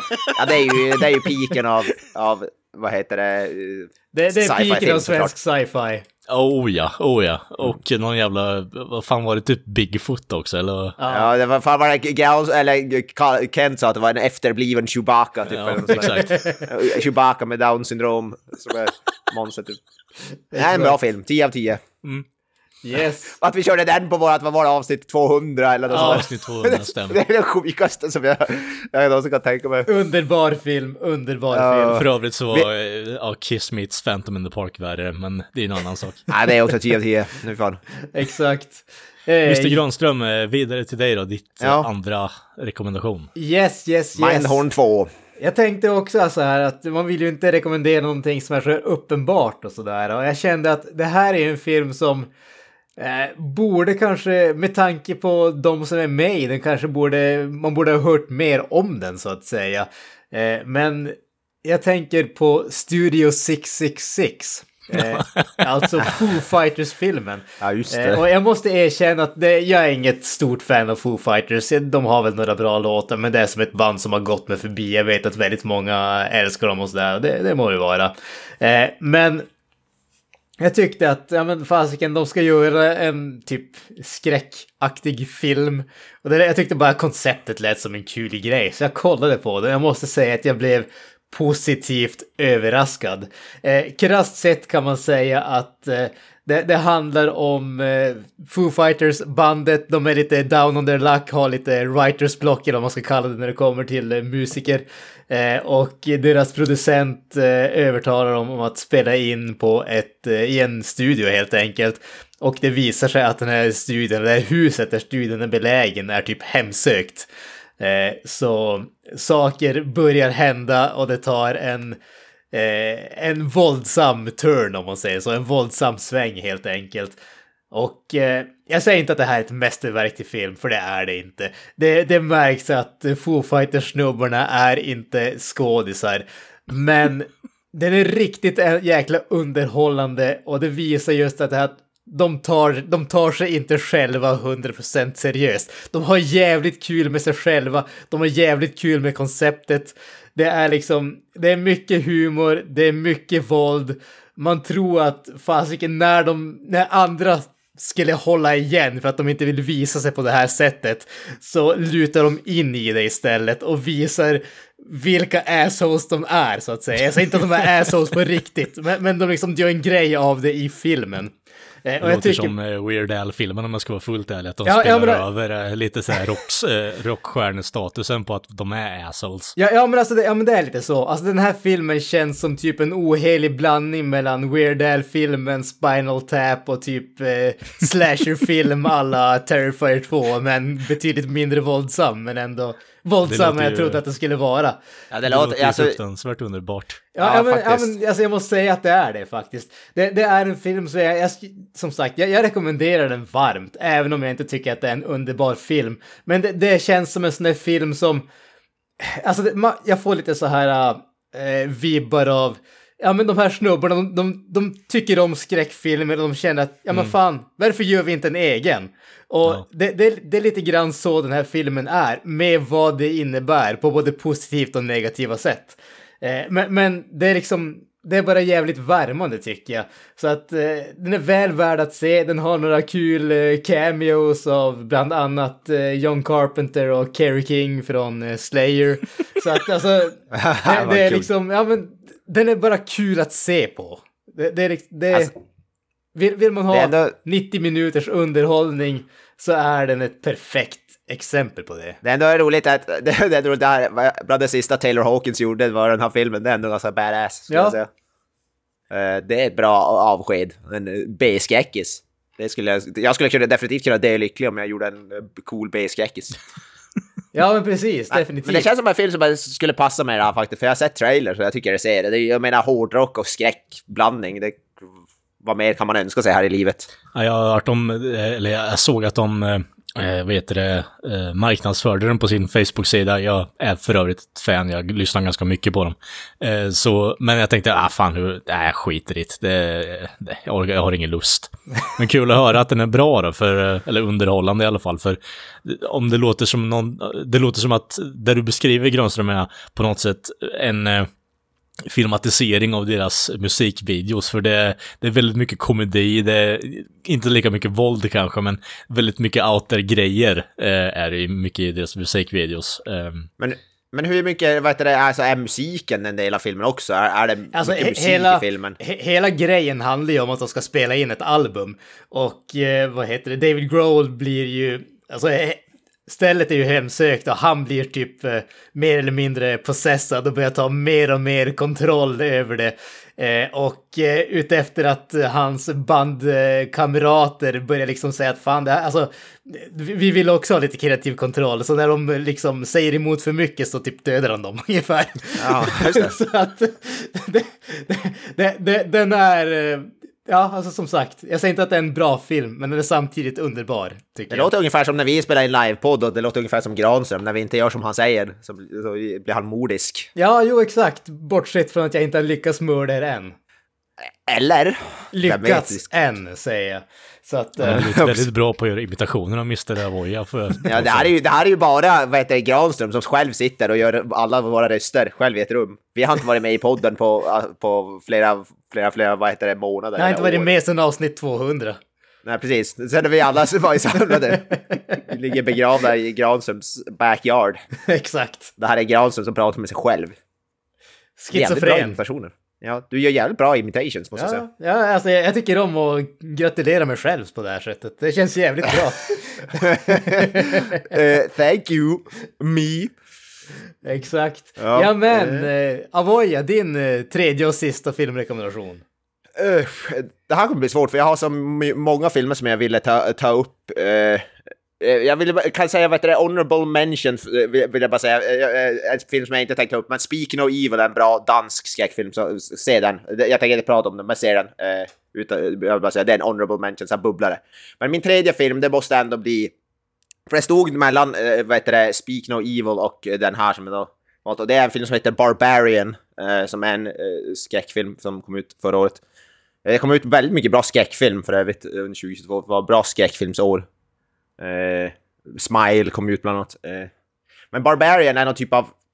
Alltså det är också en sån där film som man inte... För det finns en twist i filmen som jag inte vill spoila, som är som hela grejen. Eh, för jag, jag hade ingen aning om vad filmen handlade om innan jag skulle säga. Jag, jag visste att det var en skräckfilm, jag visste att Bill Skarsgård var med i filmen. Det var typ det jag visste. Eh, men det är någon slags nästan satirisk komedi, slasher, skräckfilm som har jävligt många olika delar till den. Och ungefär, jag vet inte hur, hur långt in i filmen man skulle säga, men det, det finns en film som, en twist, typ kanske i hel, mitten av filmen och sådär som gör att, vad heter det, hela filmen blir en, det blir en helt annan film nästan. Eh, det börjar nästan som någon slags, jag vet inte vad man ska kalla du har ju sett den Granström, hur fan ska man förklara det? Det är nästan någon slags thriller. Alltså som- den, den börjar, ja men om säger så här. Eh, den, den börjar som en typ, eh, vad ska man kalla det, så här, eh, inte drama, men mer så här interpersonal tension Ja, om man säger så. Alltså det, det känns, in, det är inte en, det är inte en monsterfilm. Eh, men, men det är liksom, det, det är det här att man har, krasst man kan säga så här, två stycken personer har hyrt samma Airbnb eller vad de då kallar Ja, det. precis. Eh, och eh, det visar sig att det är typ precis, det är, det är dubbelbokat helt enkelt. Eh, och det slutar med att båda två bestämmer sig för att eh, okej, de kan väl typ dela på stället. Eh, en man och en kvinna. Och det är lite tension, inte på, om man säger, inte sexuellt, mer på det här negativa sättet, därför att ingen av dem känner den andra, men de måste dela det här eh, husrummet så att ingen litar på den andra. Det börjar där och sen så tar det typ en helvändning eh, och blir Ja. typ en eh, gränsar till dramakomedi en stund med helt andra karaktärer från ingenstans. Justin Long. Exakt. Justin Longs, Justin hela Long. hans bit. Exakt, och sen så tar det en stund och så, ja, Det är så, saker börjar jävla- knytas ihop och sådana där. Sen blir det en jävla helomvändning efter det. Alltså, Ja. det blir en galet jävla... Ja, jag vill inte spoila filmen för då, är, då, har man, då är, spoilar man hela grejen med filmen om man säger den twisten, men den, den blir typ fucking bananas. Skulle jag säga. Eh, men jävligt underhållande, alltså en film som man inte, jag inte alls hade någon koll på vad, som, vad jag skulle förvänta mig. Eh, det är galet underhållande. Och eh, roligt att få se Bill Skarsgård i en mer, efter att ha sett han som en clown så är det roligt att se honom i en mer nedtonad, mer seriös roll ändå. Eh, som jag tycker han gör, han gör riktigt bra också. Eh, men så, så här, kolla inte upp någonting om filmen alls, ingenting. Läs ingenting om den, för därför finns det risk att du spoilar den för dig själv och då blir den meningslös nästan. Inte, inte meningslös, det är fortfarande en jävligt bra film, men eh, kolla inte upp själva twisten där, för det är mycket roligare om du inte gör det.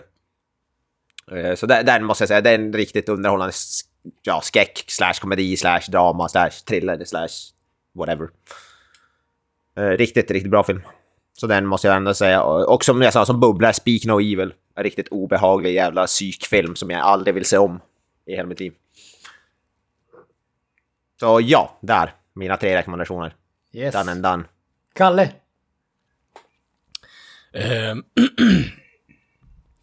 Eh, det här har ju varit lite året för biopics och eh, nu har jag ingen koppling som överhuvudtaget... Bohemian Rhapsody? Nej, definitivt inte.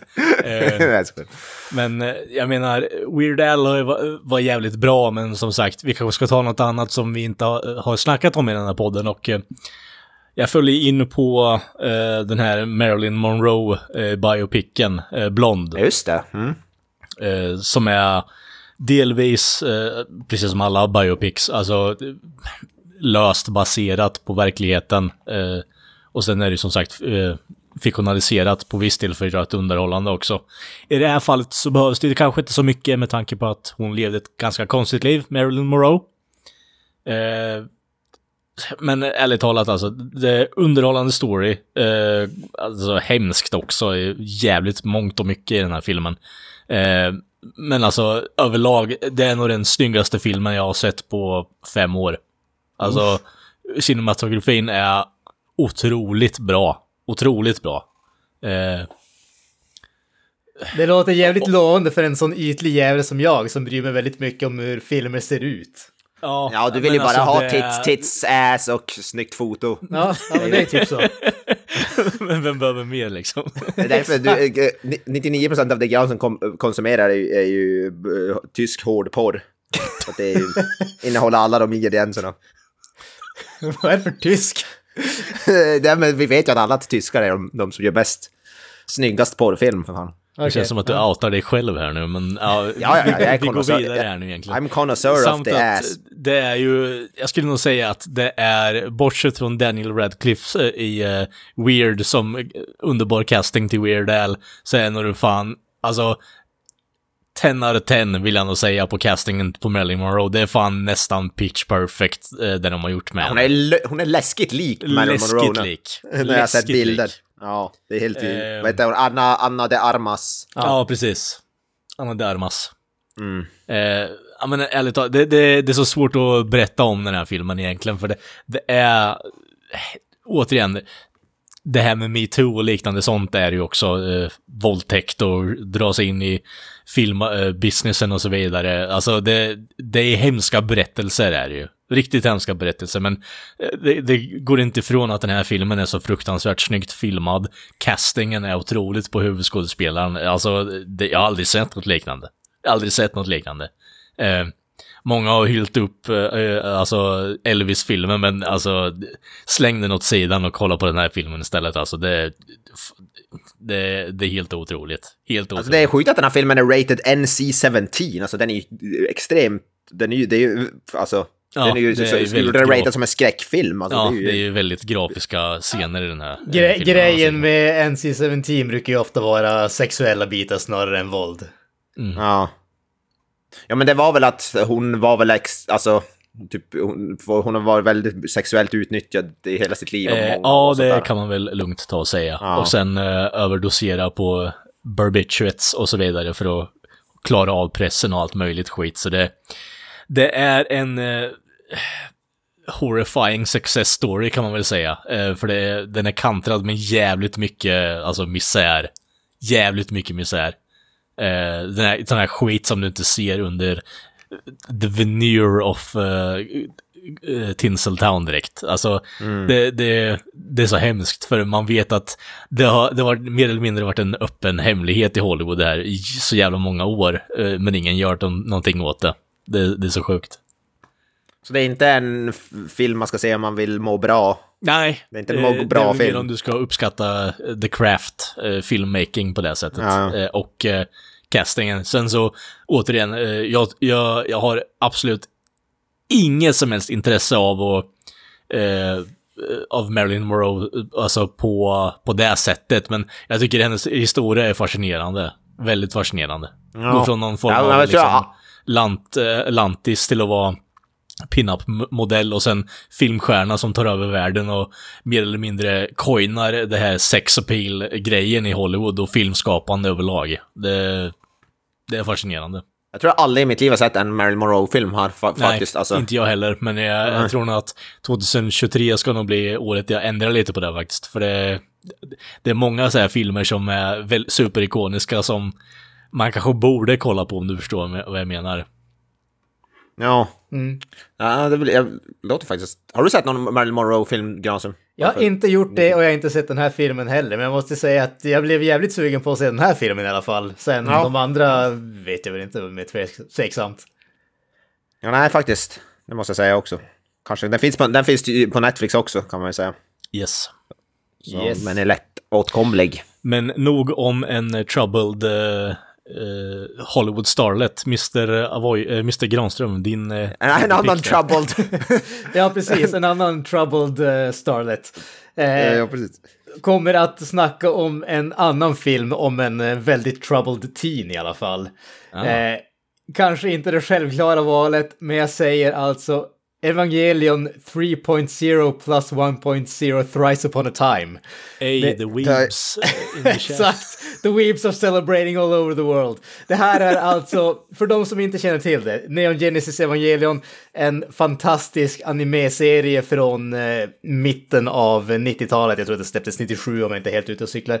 Eh, mm. För ett antal år sedan, ganska bra många år sedan, jag tror att det var typ 2000 8, 9 någonstans där omkring så bestämde de sig för att de skulle remakea serien eh, till fyra stycken långfilmer med betydligt större budget. När de gjorde originalserien så hade de typ ingen budget kvar på de sista avsnitten, så därför blev inte slutet som de vill. Som Hideaki Anno som regisserade filmen, eller skapade eh, serien, ville ha det. Eh, och sen så gjorde de den animerade filmen, men han var som aldrig riktigt helt 100% nöjd och tänkte att ja, men nu har jag chansen att göra det här som jag vill att det ska göras. Så tanken var att filmerna skulle släppas typ 2008, 2009, 2010, 2011 eller någonting åt det hållet. Eh, mm. och jag tror första filmen släpptes typ 2008. Och sen andra filmen typ 2010 och sen tredje filmen typ 2000 14 och sen fick vi vänta till i, i år. Jag ska, jag ska erkänna att jag tummar lite grann här därför att den släpptes i Japan 2021 men däremot släpptes den inte här förrän 2022. Så att, mm. eh, men, men, vi har nu äntligen fått den här sista Evangelion-filmen. Eh, och det är en av de absolut snyggaste animerade filmerna som jag någonsin har sett. Den är fantastiskt snygg. Eh, det är riktigt, riktigt bra musik i den. Eh, och jag har ingen jävla aning om vad den handlar om, men det är... Eh, det, det, det alltså, låter som Evangelion överlag. Ja, ja, alltså en av grejerna som de sa när de skulle remake Evangelion, det var att den skulle bli lite lättare att förstå, därför att de kände att de hade tappat eh, publiken i slutet av serien.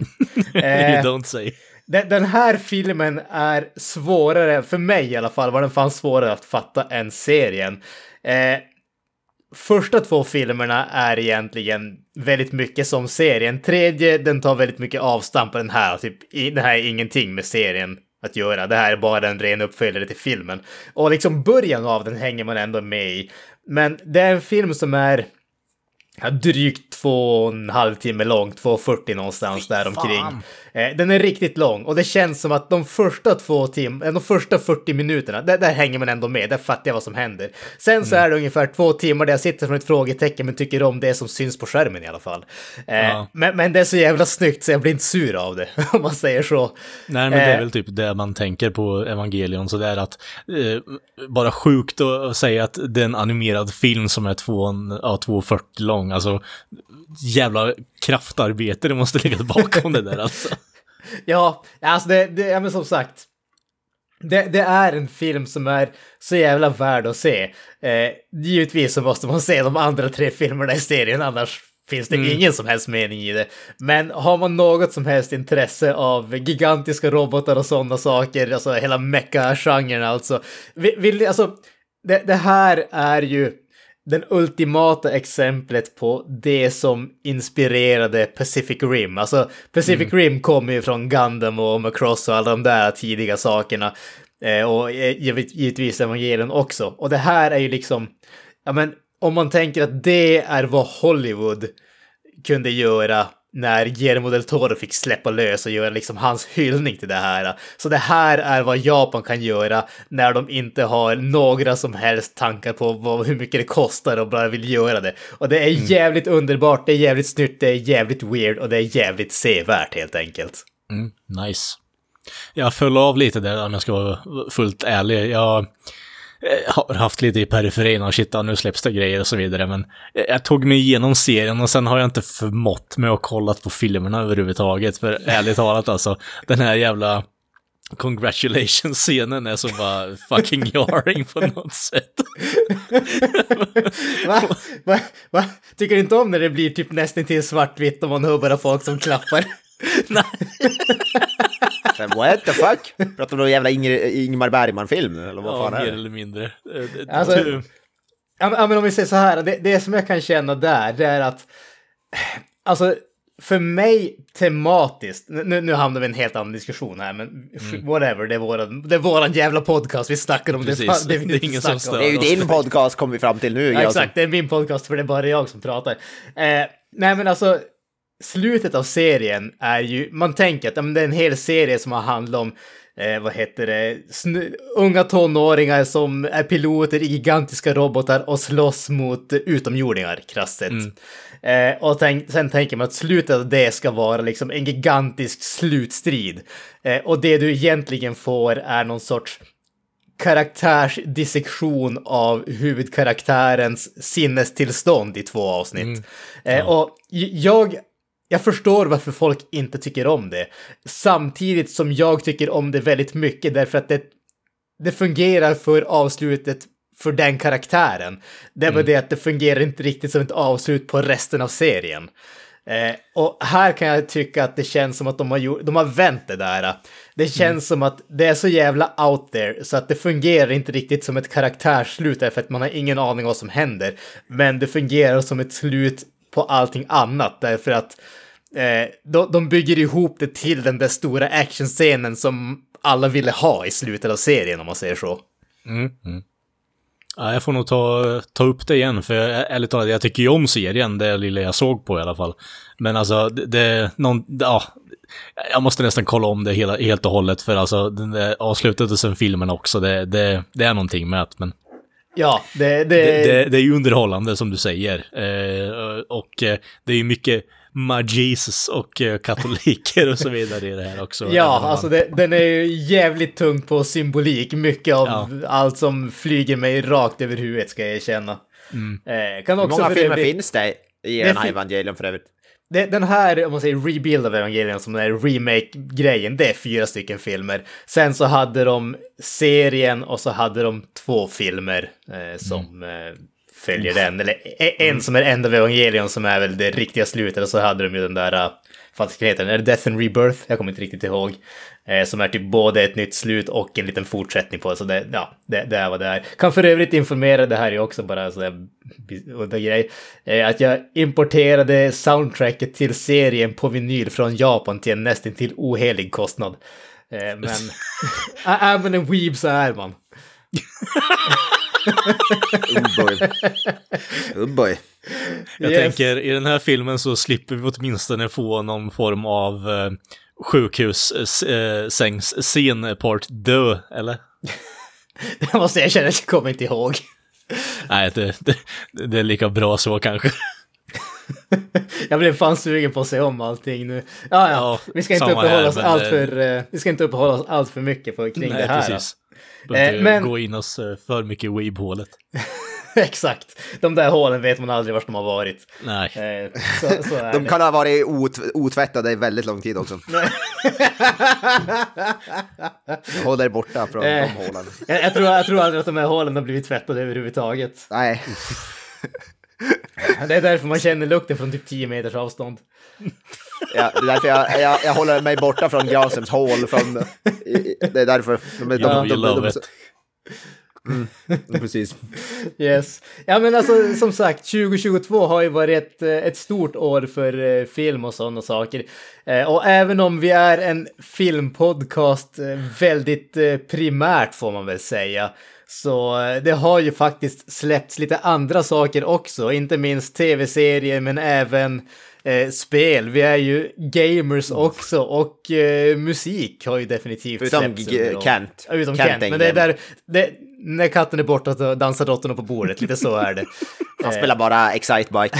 Exakt, han är fast vid det, vidhåller att det kommer aldrig överträffas. Nej, Eh, precis. Så att, eh, ja, men jag tänkte att eh, har vi några andra grejer som ni känner att vi tar upp, rekommendera eller bara allmänt prata om lite kort, vi vill ju inte dra ut på det här allt för länge, men Avoya, är det någonting som du har spelat, sett på, tänkt på, lyssnat på? Eh, ja, alltså det bästa spelet som släpptes förra året är God of War Ragnarok. Det är liksom, det är ingen tvekan om saken. Det är 10 av 10, det är ett av de bästa spel jag spelat i hela mitt liv förmodligen. Det, är en, det är så nära ett perfekt spel man kan överhuvudtaget komma, skulle jag vilja säga. Eh, det är, jag har nyss klarat ut det, nyss fått Platinum, tog mig ungefär 60 timmar, strax under 60, 58 typ. Jesus. och sånt där. Eh, Och då gjorde jag allt som går att göra i det spelet. Eh, Och det är sådär, gillar man spel överhuvudtaget så skulle jag väl säga att då, det finns ingen stor risk att du inte kommer gilla det. Särskilt om du gillade förra God of War som kom 2018, tror jag. Jag tror det. Ja. Eh, eh, det är ett fenomenalt spel och det är liksom slut, alltså jag ska ju såklart inte spoila någonting, men slutet är verkligen så, mm, det är chef's kiss, det är, det är finstämt och det är, ja, det är, det är både, det är, det är, alltså det är roligt, det är sorgligt, det är eh, episkt, det är, ja, det är spännande, det är nagelbitande, det är twists and turns och det är, ja, allting i det här spelet är perfekt. I princip. Det, det tar allt som God of War 2018 gjorde och gör det bättre bara. Förfina allt, gör allting större, bättre, snyggare, mer varierande. Nice. Så det är det bästa spelet. Eh, Men ett annat spel som är lite av en... eh, Det är lite av en personlig favorit, som, det är ett spel som inte pratas om så mycket och det fick så rätt blandad kritik. Men det är ett spel som heter Evil West, som är någon slags tredjepersons shooter slash brawler. Det släpptes ganska nyligen va? Ja, det släpptes i typ november-ish. Det var inte... Det var ganska... Och det är så här... eh, Det är, det är väldigt så arkadigt, lättsamt, dum actionunderhållning som jag tyckte var skitkul. Du spe, det, det är som vilda västern blandat med så här monster skit. Du spelar som någon cowboy som eh, vars jobb är att döda varulvar och vampyrer. Och, Mm. Ja, du jag såg har- det också. Det, det såg fruktansvärt underhållande ut. Synd att Ja, jag inte slog det- till när det var på rea på Steam då. Ja, det, det jag tycker är riktigt, eh, riktigt underhållande. Det är, det är ganska dumt och det är klyschor, det är one-liners och det, det är så... Du spelar bara för att det är... Det är underhållande. Det... Vad heter det? Tredje person typ då eller? vad sa du? Duke Nukem i tredje person typ. Ja, typ Duke Nukem slash Doom i fast third person, i princip så. Ah, okej. Eh, eh, och det är, riktigt underhållande combat i det, skulle jag vilja säga. Det enda som är att det är lite buggigt fortfarande, de behöver patcha det, men det är ingenting game breaking, men det, det är lite småbuggigt. Men det är ett spel, det och God of War är förmodligen de spelen jag spelar mest under förra året. Eh, så, så det är något sådär. Det, det skulle jag vilja säga. Det, det har fått ett blandat kritik, det är inte ett superhyllat spel, men det är en lite såhär personlig guilty pleasure för min del. Mm. Ett spel som jag hade jävligt kul med. Så de två på, på, på spelväg. Eh, Tv-serier är det, det är väl typ... Jag vet inte vad, Gu- Guillermo del Toros serie Cabinet of Curiosities är inte färdig med, men det är en serie som jag tycker väl är... Den, den är helt okej, den, den har den är både svaga delar och lite bättre avsnitt. Jag tycker inte alla avsnitt har varit klockrena av det. Men det är en bra serie, skulle jag säga. Jag Eh, såg, jag såg några avsnitt av den och jag håller med där faktiskt. Den är, det är riktigt välgjort överlag, men det är väldigt eh, upp och ner tycker jag kvalitetsmässigt. Var det Oh, den ja. som var typ Jag- en antologi-grej eller? Ja, precis. precis. Jag, jag hade jävligt höga förhoppningar, men det var inte fullt så bra som jag hade hoppats på. Inte alla avsnitt i alla fall. Eh, eh, sen, sen vet jag, det är ju i och för sig inte, men det, eh, vet det, The Last of Us-serien börjar ju här idag, men det är ju en 2023-serie, så den får vi väl ta nästa år då, antar jag. Men ja, nej men det är väl ungefär det. God of War Ragnarok, Evil West, sp- sp- tv-spelsfronten, skulle jag väl säga. Kolla in det. Yes. så, ja, nästa man. Kalle? Eh, Kalle? Jag vill nominera min eh, ortodoxa eh, rabbi-pastor Bill Clinton eh, till bästa spel. Eh, för er som inte såg på eh, Game Awards, Game Awards. Eh, där eh, Hideako Miyazaki blev hijackad av en underbar Jaha, ja, snubbe. Eh, ja, just det. Ja, just det. Eh, nej, men eh, ärligt talat. eh, jag tror aldrig jag har blivit så hänförd över ett spel som Elden Ring. Ja, Elden Ring är bra. Jag har också det spelat igenom det. är eh, så otroligt bra. Så otroligt bra. Det, det är väldigt sällan jag fastnar för grejer sådär, men första veckan så tror jag jag satt totalt mät i 20 timmar. Och då blev det många sömnlösa nätter kan jag villigt erkänna. Eh, men det, det är så ofantligt stort och eh, revealen över hur jävla stort det är eh, är minst lika intressant för du har ett område som du verkligen liksom nöter in på. Men okej, hur jävla mycket mer kan det vara i det här spelet? Och sen öppnas det upp, då är det tio gånger större än vad det Ja, egentligen det är, så, det, alltså, det roliga med det är kartan, du säger bara, ah, men nu kan det inte vara så mycket, så kartan Ja. fortsätter, den zoomar ut, och den zoomar ut, och den zoomar ut, och den zoomar ut, och sen kommer du, nej, sen kommer vi till underjorden, Ja, och där har vi en helt ny karta som är lika stor. Det är så jävla mycket content och för eh, Ja, nu, jag gjorde ett eh, lite, litet grej inför det här spelet nu, att jag gick igenom alla, alla Souls-spel eh, och han precis eh, med trean eh, på när som en boss som jag missade, men den var optional på en DLC, så jag får väl gå tillbaka dit sen, men god damn alltså, det är eh, nog den bästa spelupplevelsen som jag någonsin haft eh, på väldigt, väldigt länge. Jag vet att du inte är så mycket för att bli irriterad Granström, men om det, om det är något spel du måste ge dig in på så är det fan det här. Det, det är, det är en väldigt bra gateway in på Souls-serien faktiskt. Eh, även om du kanske inte är villig att gå in dit så eh, skulle jag se det som en väldigt bra gateway för folk som är nyfikna på vad Souls är. Eh, för det, det, There's Gold in them there hills, ettan, tvåan och trean är fortfarande riktigt, riktigt bra spel också, men det här är, det, är- det är en helt ny upplevelse alltså. Det är Ja. otroligt. Alltså, jag, jag, jag måste erkänna att jag varit jävligt sugen på det. Alltså jag tror inte att jag har hört något, liksom, någon säga att det inte är ett mästerverk i stort sett. Eh, Det, det, det som jag känner, och precis som du säger, alltså, just när det kommer till sådana här irritationsmoment och sådana här grejer där det handlar om att Ja men alltså du, du, det är som, du ska dö tills du fattar vad du ska göra för att ta det vidare ungefär. Så, Sånt har jag jävligt svårt för och speciellt när det är så här stora, långa spel. Eh, jag, vad heter, jag ska inte tjata jättemycket om eh, hur jag spelar spel, men jag måste säga att eh, det här året har faktiskt varit ett ganska, ganska lätt år för mig sett till tv-spelsmängden. Jag har inte spelat så där jäkla mycket. Eh, till stor del därför att eh, tidsbrist helt enkelt. Alltså my- mycket spel har tagit, eh, tar lite för lång tid för mig har jag känt. Eh, däremot så känner jag att jag måste nämna, i och för sig så vet jag inte, var du klar Kalle? Jag bara tog Nej, nej, nej, det, om du hade någon, något mer du ville fortsätta på det så ta det så. Alltså, jag, vill- det jag vill säga med, om Elden Ring innan vi går vidare, att det, det du säger Graham, som att man måste köra om samma sak och dö, för att det, Elden Ring gör till skillnad mot det att om du kommer till ett ställe som du tycker är för svårt, då kan du liksom skita i det och gå, tillbaka, gå till ett helt annat, för det finns ungefär 700 olika håll du kan Det gå. är högst troligt en anledning till att du kanske inte ska vara här just nu. Eh, Nej, precis. någon annanstans och upptäckt liksom.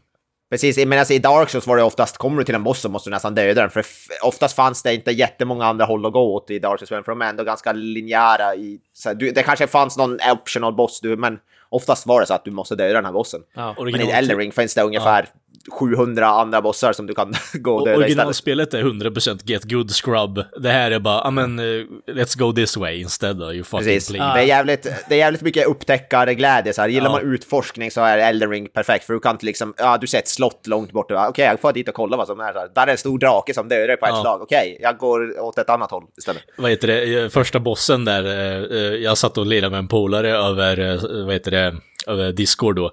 Eh, och så kom vi till första bossen och hade någon så här skärm på skärm med varandra så att vi kunde på något sätt se vad fan den andra höll på med. Jag tror vi, vi höll på i tre timmar eh, innan jag bara lackade och bara, nej vet du vad, jag, jag, jag kommer tillbaka till det, jag går och kollar något annat ställe här nu. Eh, Ja, hitta- det är roligt. Mm. Det är roligt att spela spela med kompisar. Jag spelade igenom hela spelet i co-op faktiskt. Det finns en mod som heter Seamless Co-op till PC. Då kan man Mm. spela igenom hela spelet tillsammans. Och jag hade en kompis som var mycket bättre så han, han fick ju säga åt vart man ska gå och sånt. Jag bara följde efter och hjälpte att döda saker.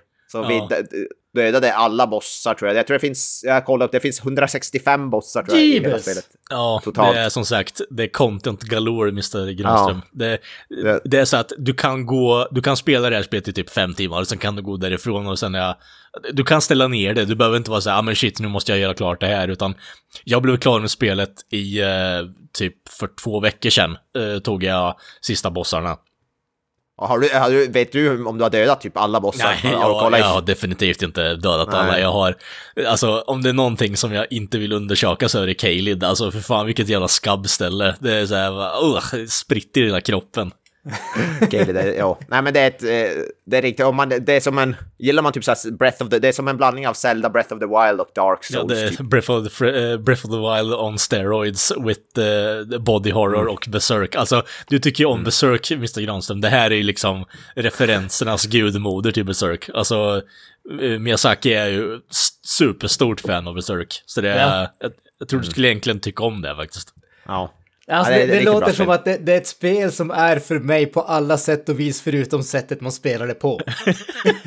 ja, det, det, är rätt tekniskt avancerat och det är mycket så stats och sådär och du måste lägga ut points på rätt och du måste, det är ganska mycket så avancerad rollspelsmekanik i spelet som man kan gräva sig jävligt djupt i. Om man, mm. Så det, kan väl vara lite avskrämmande men det, samtidigt är inte så pass komplicerat att... Fast vem, vem vet, Granström, du kanske, du kanske hade rage-quittat rätt fort, jag vet inte. det, det, finns väl en, eh, en, eh, viss tanke om att jag kommer att rage-quitta inom typ första timmen. på första, på vad heter den, Grafted Zion. alla Dark Souls-spel har en boss i början som är meningen att man ska typ dö på och det är ingen skillnad i Elden Ring. Det är jävligt... ja, just det. Fast det, det, det, som är roligt med det, det, man kan alltid, det är ju såhär, eh, typ såhär castlevania grej det, det är ju en trope där man möter en boss i början som är typ omöjlig att döda nästan. Men det, ofta, men det roliga i Dark Souls-spelen, du kan döda den bossen om du är jävligt skicklig och har jävligt mycket tålamod så går det. Även om det är extremt svårt. Det är ganska coolt tycker jag. Eh, ja, men nåväl. Eh, Granström, du skulle prata om någonting, jag vet inte vad. ja men precis, innan jag blev avbröt, avbruten för att jag avbröt Kalle. Eh, men jag tänkte, som sagt, jag har inte spelat supermycket, men ett spel som jag har eh, spelat och tyckte var riktigt, riktigt bra är faktiskt Horizon Forbidden West. Eh, Just det. Uppföljaren till Horizon Zero Dawn, alltså Sonys eh, första eh, First Party spel så att säga med, alltså det här är ett spel som är gjort för att tilltala mig. Framtiden, robotdinosaurier, du skjuter dem med pilbåge. Det, det är liksom... Har, har, du klarat ut det, Forbidden West? Du har klarat ut det va? Jag har klarat ut Forbidden West och faktiskt ja. ett, har faktiskt ett av mina få Platinum i det. Ja, eh, får jag, jag har faktiskt inte klarat där bara? Mm. Eh, vet du, jag lirar ju första spelet på PS4, men ja. alltså, är röstskådespeleriet på Aloy bättre eller? Det är ju samma skådis så att... Eh, alltså... Jag tycker, jag vet jag tycker, jag, jag gillar Ashley Birch här som jag tycker hon är jävligt bra. Jag tycker jag, jag hade inga problem med henne. Det är den mest deadpan karaktären jag någonsin sett i ett spel, alltså fy fan. Ja, alltså, jag, vet, jag vet inte om jag ska säga det är inte så att jag tycker att eh, hon är någon superintressant karaktär. Eh, och jag, må, jag, måste väl erkänna, jag, jag tycker faktiskt storyn i det här spelet är betydligt bättre än jag trodde att det skulle vara. Men jag tycker, alltså, jag tycker att karaktärerna i sig är så överdrivet intressanta. Däremot tycker jag att spelet är jävligt kul att spela. Det är väldigt mycket det som har tagit mig igenom det. Eh, och det, det, det är ett spel som är väldigt långt också blev det, eller blir det väldigt mycket variation? Eller för jag tyckte att, eh, jag, jag, jag fastnade inte, men eh, jag, jag föll av väldigt, eh, alltså typ en 30 timmar in, för det kändes som att, okej, okay, nu, det blir inte bättre än så här. Det, jag, ja, det var inte mitt, det var inte för mig kan man väl säga. Det, Forbidden West känns som att det är mer variationsrikt ändå. Det, det, jag har inte klarat ut det. Ja, men... alltså det, det, är definitivt mer variation i Forbidden West. Mm. däremot skulle jag säga att mycket av det där handlar nu om hur, eh, hur mycket du tycker om att eh, smyga omkring i högt gräs och sikta med en pilbåge för att stealtha ihjäl äh, saker. Äh, men, men jag är en sån som tycker om sånt där. Jag tycker att det är riktigt kul. Äh, och det är ett, alltså, jag tyckte att det här spelet var för långt, det måste jag erkänna. Jag, tog, jag spelade ut det när det kom. Alltså det var, det var så här, okej okay, jag har tid, jag bara typ plöjde det, jag gjorde typ ingenting annat. Eh, men sluttiden, den eh, hamnade på typ 115 timmar eller någonting åt det hållet. Alltså det, Jesus. Det, ja, det, det, det, var väldigt långt. Jag är 40 timmar in på den, när jag föll av var jag 40 timmar in. Jag, jag, ska, jag ska ju dock erkänna att jag är jävligt dålig på att spela tv-spel i ärlighetens namn. ja, eh, vi, så du kanske satt fast på, på samma uppdrag i 20 timmar? ja, typ. Nej men alltså, inte för att det har någonting med det här att göra, men vi har, vi har alla tre spelat Signalis. Ja. Eh, som vi alla tre tyckte var ett riktigt, riktigt bra spel. Eh, och eh, jag såg på How long to beat, det är en sån här sajt där man kan mm. kolla hur länge det tar för, alltså genomsnittstid för hur länge det tar folk att spela igenom ett spel. Eh, och jag tror att Signalis tog väl typ nio timmar eller någonting åt det hållet. Åtta eller nio timmar i genomsnitt. Jag tror jag var uppe typ 14, så att jag menar, jag suger. Eh, det, det, är inte så att, det, det, det, är inte så att jag liksom hymlar om att jag inte är... Jag älskar tv-spel, jag är inte bra på att spela dem. Nej, men då kanske du när du spelar ut God of War Ragnarok, du får dubbla min tid på 60 timmar. Ja, ja men det, det skulle inte förvåna mig. Eh, dessutom, så, dessutom så har jag inte spelat på typ en och en halv månad vid det här laget så att nu har jag tappat all fin motorik. Alltså, du, föll av, du föll av Ragnarok ja, lite grann, Problemet va? var ju att eh, jag beställde en, på Black Friday beställde jag en tv. Eh, och jag tänkte att, ja men vad fasiken, jag, jag bara som bara börja spelet ungefär, eller jag, jag spelade typ 10 timmar eller någonting åt det hållet, 10-15 timmar. Jag tänkte att, ja men vad fan, jag, jag, när jag får tvn då fortsätter jag. Och så sen så tog det hundra år innan jag fick tv, så jag fick en tv förrän typ nu i början av januari. Eh, vilket innebär att jag har ju typ tappat all fin motorik när det kommer till God of War. Jag har ingen känsla för det längre. Så att eh, jag måste eh, ta upp det igen, men hur, hur väl det kommer att gå, det låter jag vara osagt. Får börja om från början kanske. Alltså, jag, har inte, jag har inte orken till det, det är bara det. Jag har inte orken. Alltså det, det, det är ju lite samma med mig och Forbidden West, för jag vill klara ut det, men samtidigt jag har inte spelat på någon månad och hoppa in då, det, då känner man sig så jävla lost. Och så det känns, det känns att jag ska börja om från början, men då så bara, jag spelar 40 timmar, så det är ganska mycket att ta igen. Så det, är, det är verkligen sådär, ja, alltså, vad fan ska jag göra? Ja, vad heter det? I, i, I Forbidden West så finns det ett eh, de, de, det finns ett spel i spelet som är typ en variation av schack, om man säger så. I, ja, ja. ja det, är, det är riktigt kul. Jag kommer inte ihåg vad det eh, heter. Strike, Strike heter det. Jag hatar det. Eh, det finns ju en... Det, det, finns en... Eh, det, det finns en trophy som, alltså så här, som man låser upp när du har... Jag tror att när du ska besegra, jag kommer inte ihåg om det är två eller tre motståndare i, i, i det helt enkelt. Eh, det var den sista trofén som jag hade i spelet. Och det var, jag hade spelat allting annat i spelet. Och sen väntade jag till typ november. Alltså typ fyra månader efter att jag hade spelat färdigt resten av spelet. Bara för att jag tänkte att ja, men allt jag behöver för att skaffa den där jävla trofén det är att jag ska spela där i en halvtimme. Men jag hatar det så jävla mycket så jag har inte gjort det i fyra månader. Sen tänkte jag att okej, okay, jag gör väl det. Så att eh, jag gjorde det och det tog typ en halvtimme och sen hade den där jävla trofén. Men jag fick vänta i fyra månader på att liksom samla upp eh, liksom bara viljan att göra det för jag hatade det så jävla mycket. Ja, jag vet, jag gör varje gång, jag, jag, jag tror jag fan har fått den trofén redan på den 40 timmar jag, har spelat. För jag, jag, varje gång jag hittar en som ville spela, varje gång jag hittade någon som ville spela det där med jag bara okej, okay, då kör vi. Och så körde jag, och så vann jag matchen och sen gick jag vidare. Alltså, det, nej, fy fan. Det, nej, det, det var definitivt inte min grej. Eh, men jag tänkte att fan, man behöver ju inte haka upp sig allt för mycket på bara tv-spel. Jag tänkte att eh, jag kan väl nämna lite musik också. Eh, jag, alltså, alla har ju Spotify vid det här laget och problemet, höll jag på att säga, med att eh, lyssna på eh, mycket musik, det är ju att eh, man har en förmåga att alltid lyssna på det man vet att man tycker om. så en av sakerna som jag bestämde mig för att göra i år var att eh, försöka bredda mig lite grann och kanske inte lyssna på samma artist och samma album hela tiden, även om det har en förmåga att sluta att man gör är där i vilket fall som helst. Eh, men jag tänkte att två stycken, eh, två stycken album som jag bara tänkte nämna lite kort är Oceans, eh, som är ett tyskt band. Det är inte The Ocean, som är ett annat tyskt band som jag pratat om ett flertal gånger i podden, utan Oceans, eh, som släppte ett album som heter Hell is where the heart is, eh, som jag tyckte var riktigt, riktigt bra. Det, jag har, sen, jag, sen jag hörde det, jag vet inte ens hur jag egentligen eh, dök in på det. Eh, det, bara, det var en sån där att eh, någon random spellista eller någonting, eller om det bara var så här typ att den spelade här för att jag lyssnade på någonting annat som typ eh, Spotify tyckte liknade och kastade in det i min typ mix ungefär. Men det var så här, jag hörde Eh, en låt som heter eh, I Sing Alone. Och tyckte bara att det här är ju typ hur jävla bra som helst. Och eh, sen så lyssnade jag på hela albumet och har typ inte kunnat sluta lyssna på det sen jag hörde det. Eh, fantastiskt bra metal av lite så här, lite modern metal men blandat med olika stilar. Eh, både lite så här eh, nästan halv grunge-aktig stil som övergår till typ eh, death growls och sådana där saker. Väldigt varierat, eh, riktigt, riktigt bra, kan varmt rekommenderas. Eh, sen en annan skiva som jag vill rekommendera av ett, eh, en, en artist eh, som kallar sig Ludovico Teknik. Eh, och albumet heter Haunted People. Eh, väldigt utanför min vanliga box. Också en sån här grej som jag vet inte riktigt vars jag hörde det eller varför det hamnade. Eh, men det är typ eh, goth eh, elektronisk musik.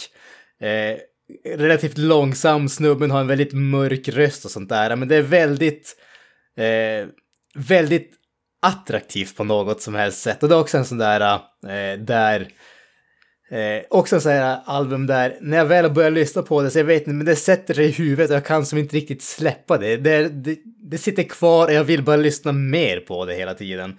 Så riktigt, riktigt bra. Tycker man om elektronisk musik, inte den här eh, liksom supersnabba varianten utan mer lite så här eh, lågtempo, atmosfärisk stil så är det väldigt varmt rekommenderad av mig.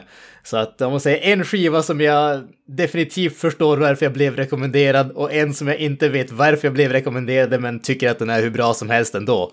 Så att eh, de två tycker jag definitivt att folk kan, eh, kan kolla upp. Mm. Snart kommer vi få alltså, höra Mr Granström prata om acid jazz och eh, EDM.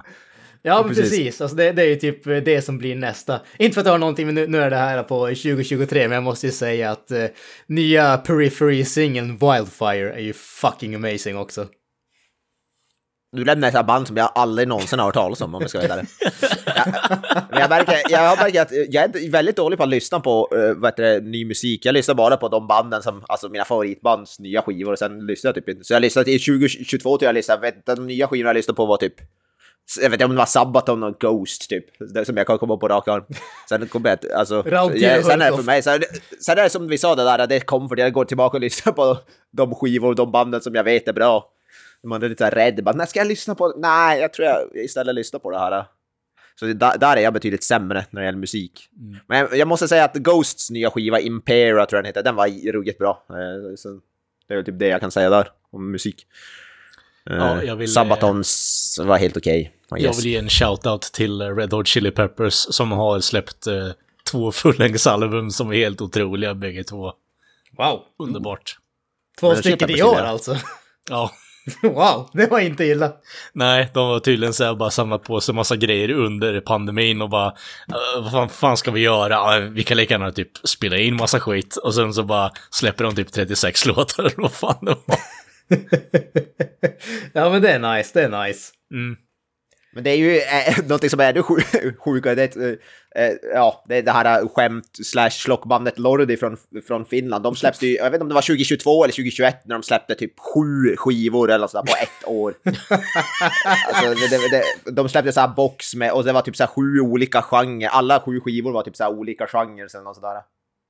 Uh, nej, 20, okej okay, det var 2021 den kom ut, okej okay, så det, var, det räknas inte. Men, uh, en, uh, men det var ändå det var ett boxset med en, två, tre, fyra, fem, sex, sju skivor. Fy fan. vilket är det sjukaste jag har någonsin varit med om. Men det var 2021 så det var, det var inte lika kul men jag kan bara tänka på det när Kalle sa det. Lloyd är ju som sagt, det är ju fenomenal musik vet vi alla. ja, precis. Slock, eh, slock eh, monster rock. Alltså jag, jag måste erkänna, jag tror att den enda låten som jag har hört, det var den som var i vår Melodifestivalen. Ja, Eurovision. Hard rock, halleluja. Och Biomechanic Man jag har hört. Eh, ja, Biomechanic, ja. Liksom bara, okej, okay, vad, vad, fan är det? Jag älskade ju Lloyd det där för typ så här 10 plus år sedan. Jag lyssnade som fan på dem och sen följde jag av tåget. För dem. Ja, det känns som att det var mer, eh, alltså, fun at the, the moment på något sätt att, oh shit, shit något annat än pop och superslager vann Melodifestivalen. Fan vad nice. Mm. Ja, ja det, var, det var ju det, det som gjorde det. Ja.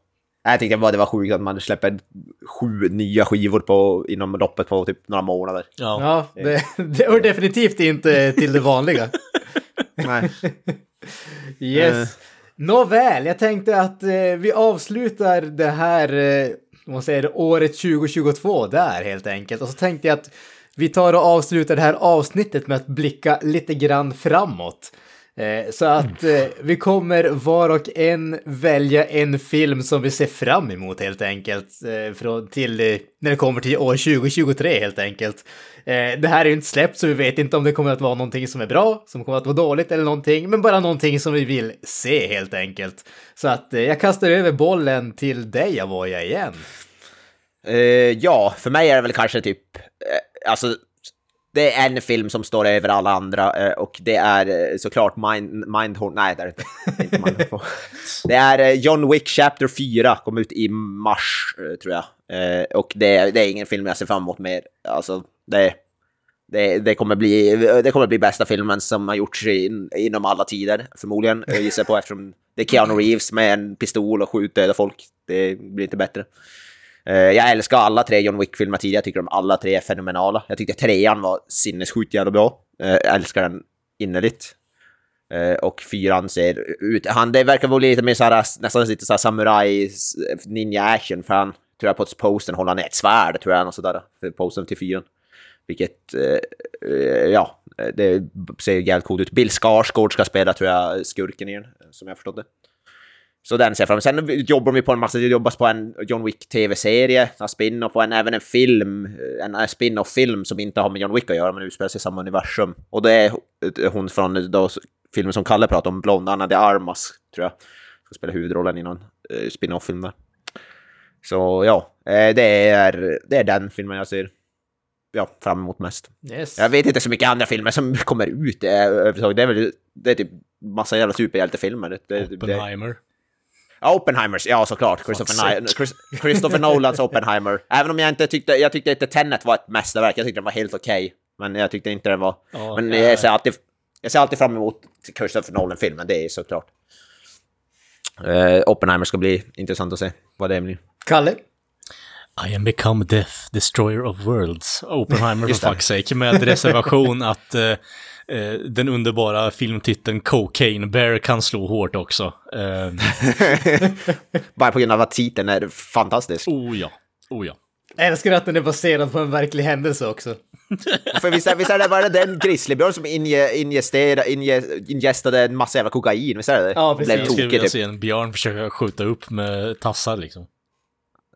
Alltså jag trodde aldrig någonsin jag skulle få se en blandning mellan Scarface och The Gris... Vad heter det? Jag tänker typ, att det, det, är någon som har tagit den här jävla meme-bilden med eh, björnen eh, med nosen doppad i snö och bara I fucking love cocaine! ja. ja, fy fan. Grizzly Bear goes Scarface goes Tony Montana, fy fan. Ja, alltså... Ja, det, det, känns ju som att, alltså, den, den, filmen kan ju vara hur underbar som helst alltså. Den kan vara hur underbar eller hur värdelös som helst. Och det känns som att båda kan slå väldigt hårt.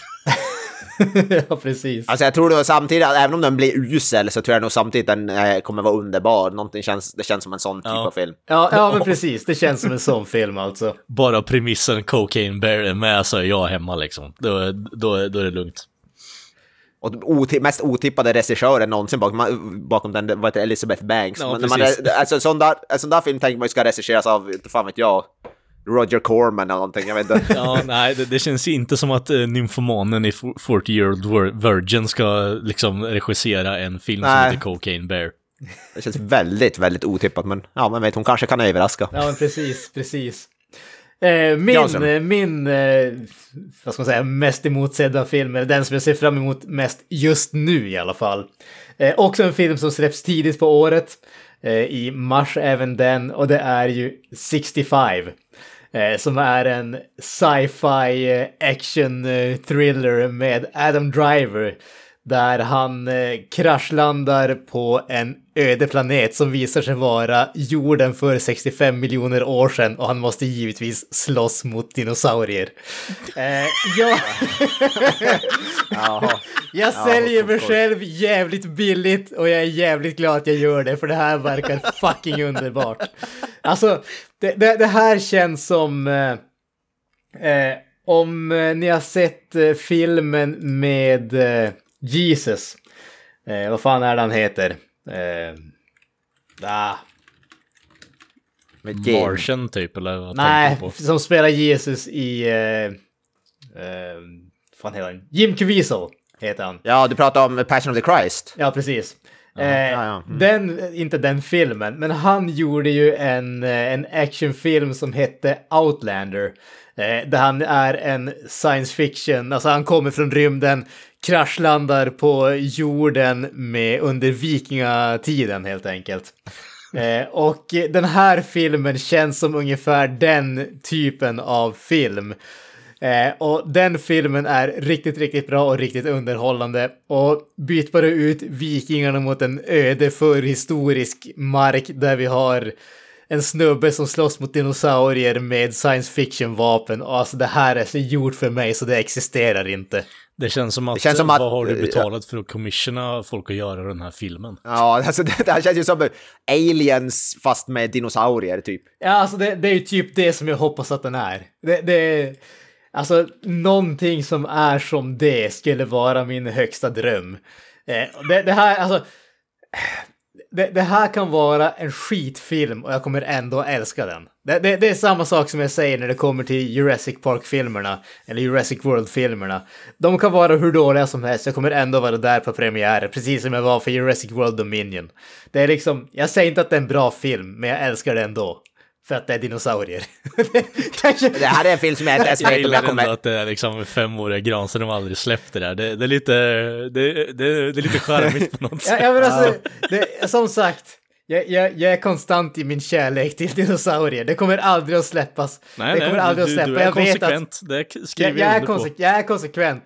När jag ligger på liksom min döds, dödsbädd när jag är 93 år gammal och ett utmärkt skelett så kommer jag be om att liksom när jag går i graven då ska ni spela Jurassic Park-teamet på min begravning. Det är liksom, det, det, är så det kommer att vara. Jag ska säga ett hologram av John Williams kommer dit och, och. ja, jag, vet, alltså, jag känner mig själv. Och det här är bara... Det här är en film som är gjord för mig. På samma sätt alltså, som Horizon-spelen är gjorda för mig.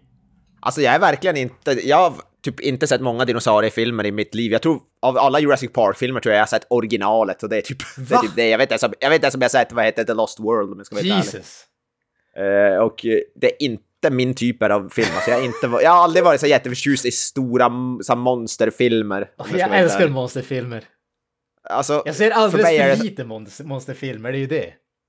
För mig är det så här att det blir, jag, vill, jag hade velat se dem ta, göra mer typ någon mer, det är alldeles för mycket så här episk action snarare än att det skulle, jag vill hellre säga att monstren ska vara skräckinjagande, det ska vara obehagligt och läskigt, men det är, det, det, det är ju inte det, det är ju mer slock action-komedi när de gör sådana där filmer.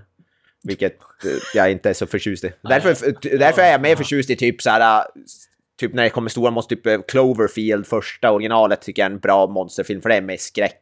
Så det är mer min typ av monsterfilm. Alltså jag måste säga att jag tycker att den här 65 verkar ju jävligt lovande på det sättet. För den verkar ju åtminstone på, nu dömer jag bara från trailern, eh, men den verkar åtminstone lägga mer fokus på att vara mörkare och lite mer skrämmande än ja. Jurassic World slash Park-filmerna i alla fall. Mm. Men det är därför som sagt Aliens, alltså tvåan, den, den är ju lite åt det hållet. Det är ju verkligen slock action, men det är också lite skräcken. Och för Aliens är ju fortfarande Aliens. Och det är ju en ruggigt, ruggigt bra film på, på så sätt. Och första Jurassic Park är ju nästan lite, det är ju mer åt skräckhållet också. Och den är ju riktigt bra. Samma med typ Hajen, är ju, ja, jag vet inte om man kan räkna dit Hajen, men halvt. Uh. Monster Stor Haj, ja, jag, ska, jag kan räkna ja. dit den, tycker jag. Ja, ja men får se, kanske. Uh. Kanske, kan, nu, jag måste kanske kolla in då alla, för jag har ju inte sett en enda Jurassic World-film, jag har inte sett Pacific Rim, jag har inte sett någon av dem. Va? Så jag, ah. ligger, jag ligger väldigt dåligt. Alltså håll käften, var, varenda ord du säger liksom eh, smäller mitt hjärta i tusen bitar till. håll tyst och jag, har inte sett, jag har inte sett de nya Godzilla heller, jag, eller jag såg den, för, den första av den här alltså. re, reboot-filmerna, men sen... Jag har inte sett King Godzilla är ju en institution, det, det måste man ju nästan se. Ja. Jag har sett de gamla Godzilla-filmerna, jag har sett men inte de här uh, nya. Ja. Uh, jag, av, jag avslutar det här avsnittet att jag fortfarande har ett hjärta kvar i mitt bröst alltså. Så, det här var våran eh, återblick på året 2022. Vi hoppas att ni hade lika kul som vi hade under det här året helt enkelt. Eh, i vanlig ordning, vi älskar filmrekommendationer. Vi vill gärna höra i kommentarsfältet på Instagram vad ni tyckte om filmåret 2022. Var det någonting som ni tyckte stack ut lite extra? Är det någonting som ni kanske tycker att fan, det här måste ni kolla upp och kanske göra ett avsnitt om? Kasta rekommendationer våra vägar. Vi älskar att eh, se sånt. Eh, I vanlig ordning så hittar ni oss på sociala medier, Twitter, Facebook och på Instagram. Det är lättast att eh, nå oss på. Med det sagt, har ni några avslutande ord grabbar? Peace out! Clever girl. What are you gonna do to me daddy?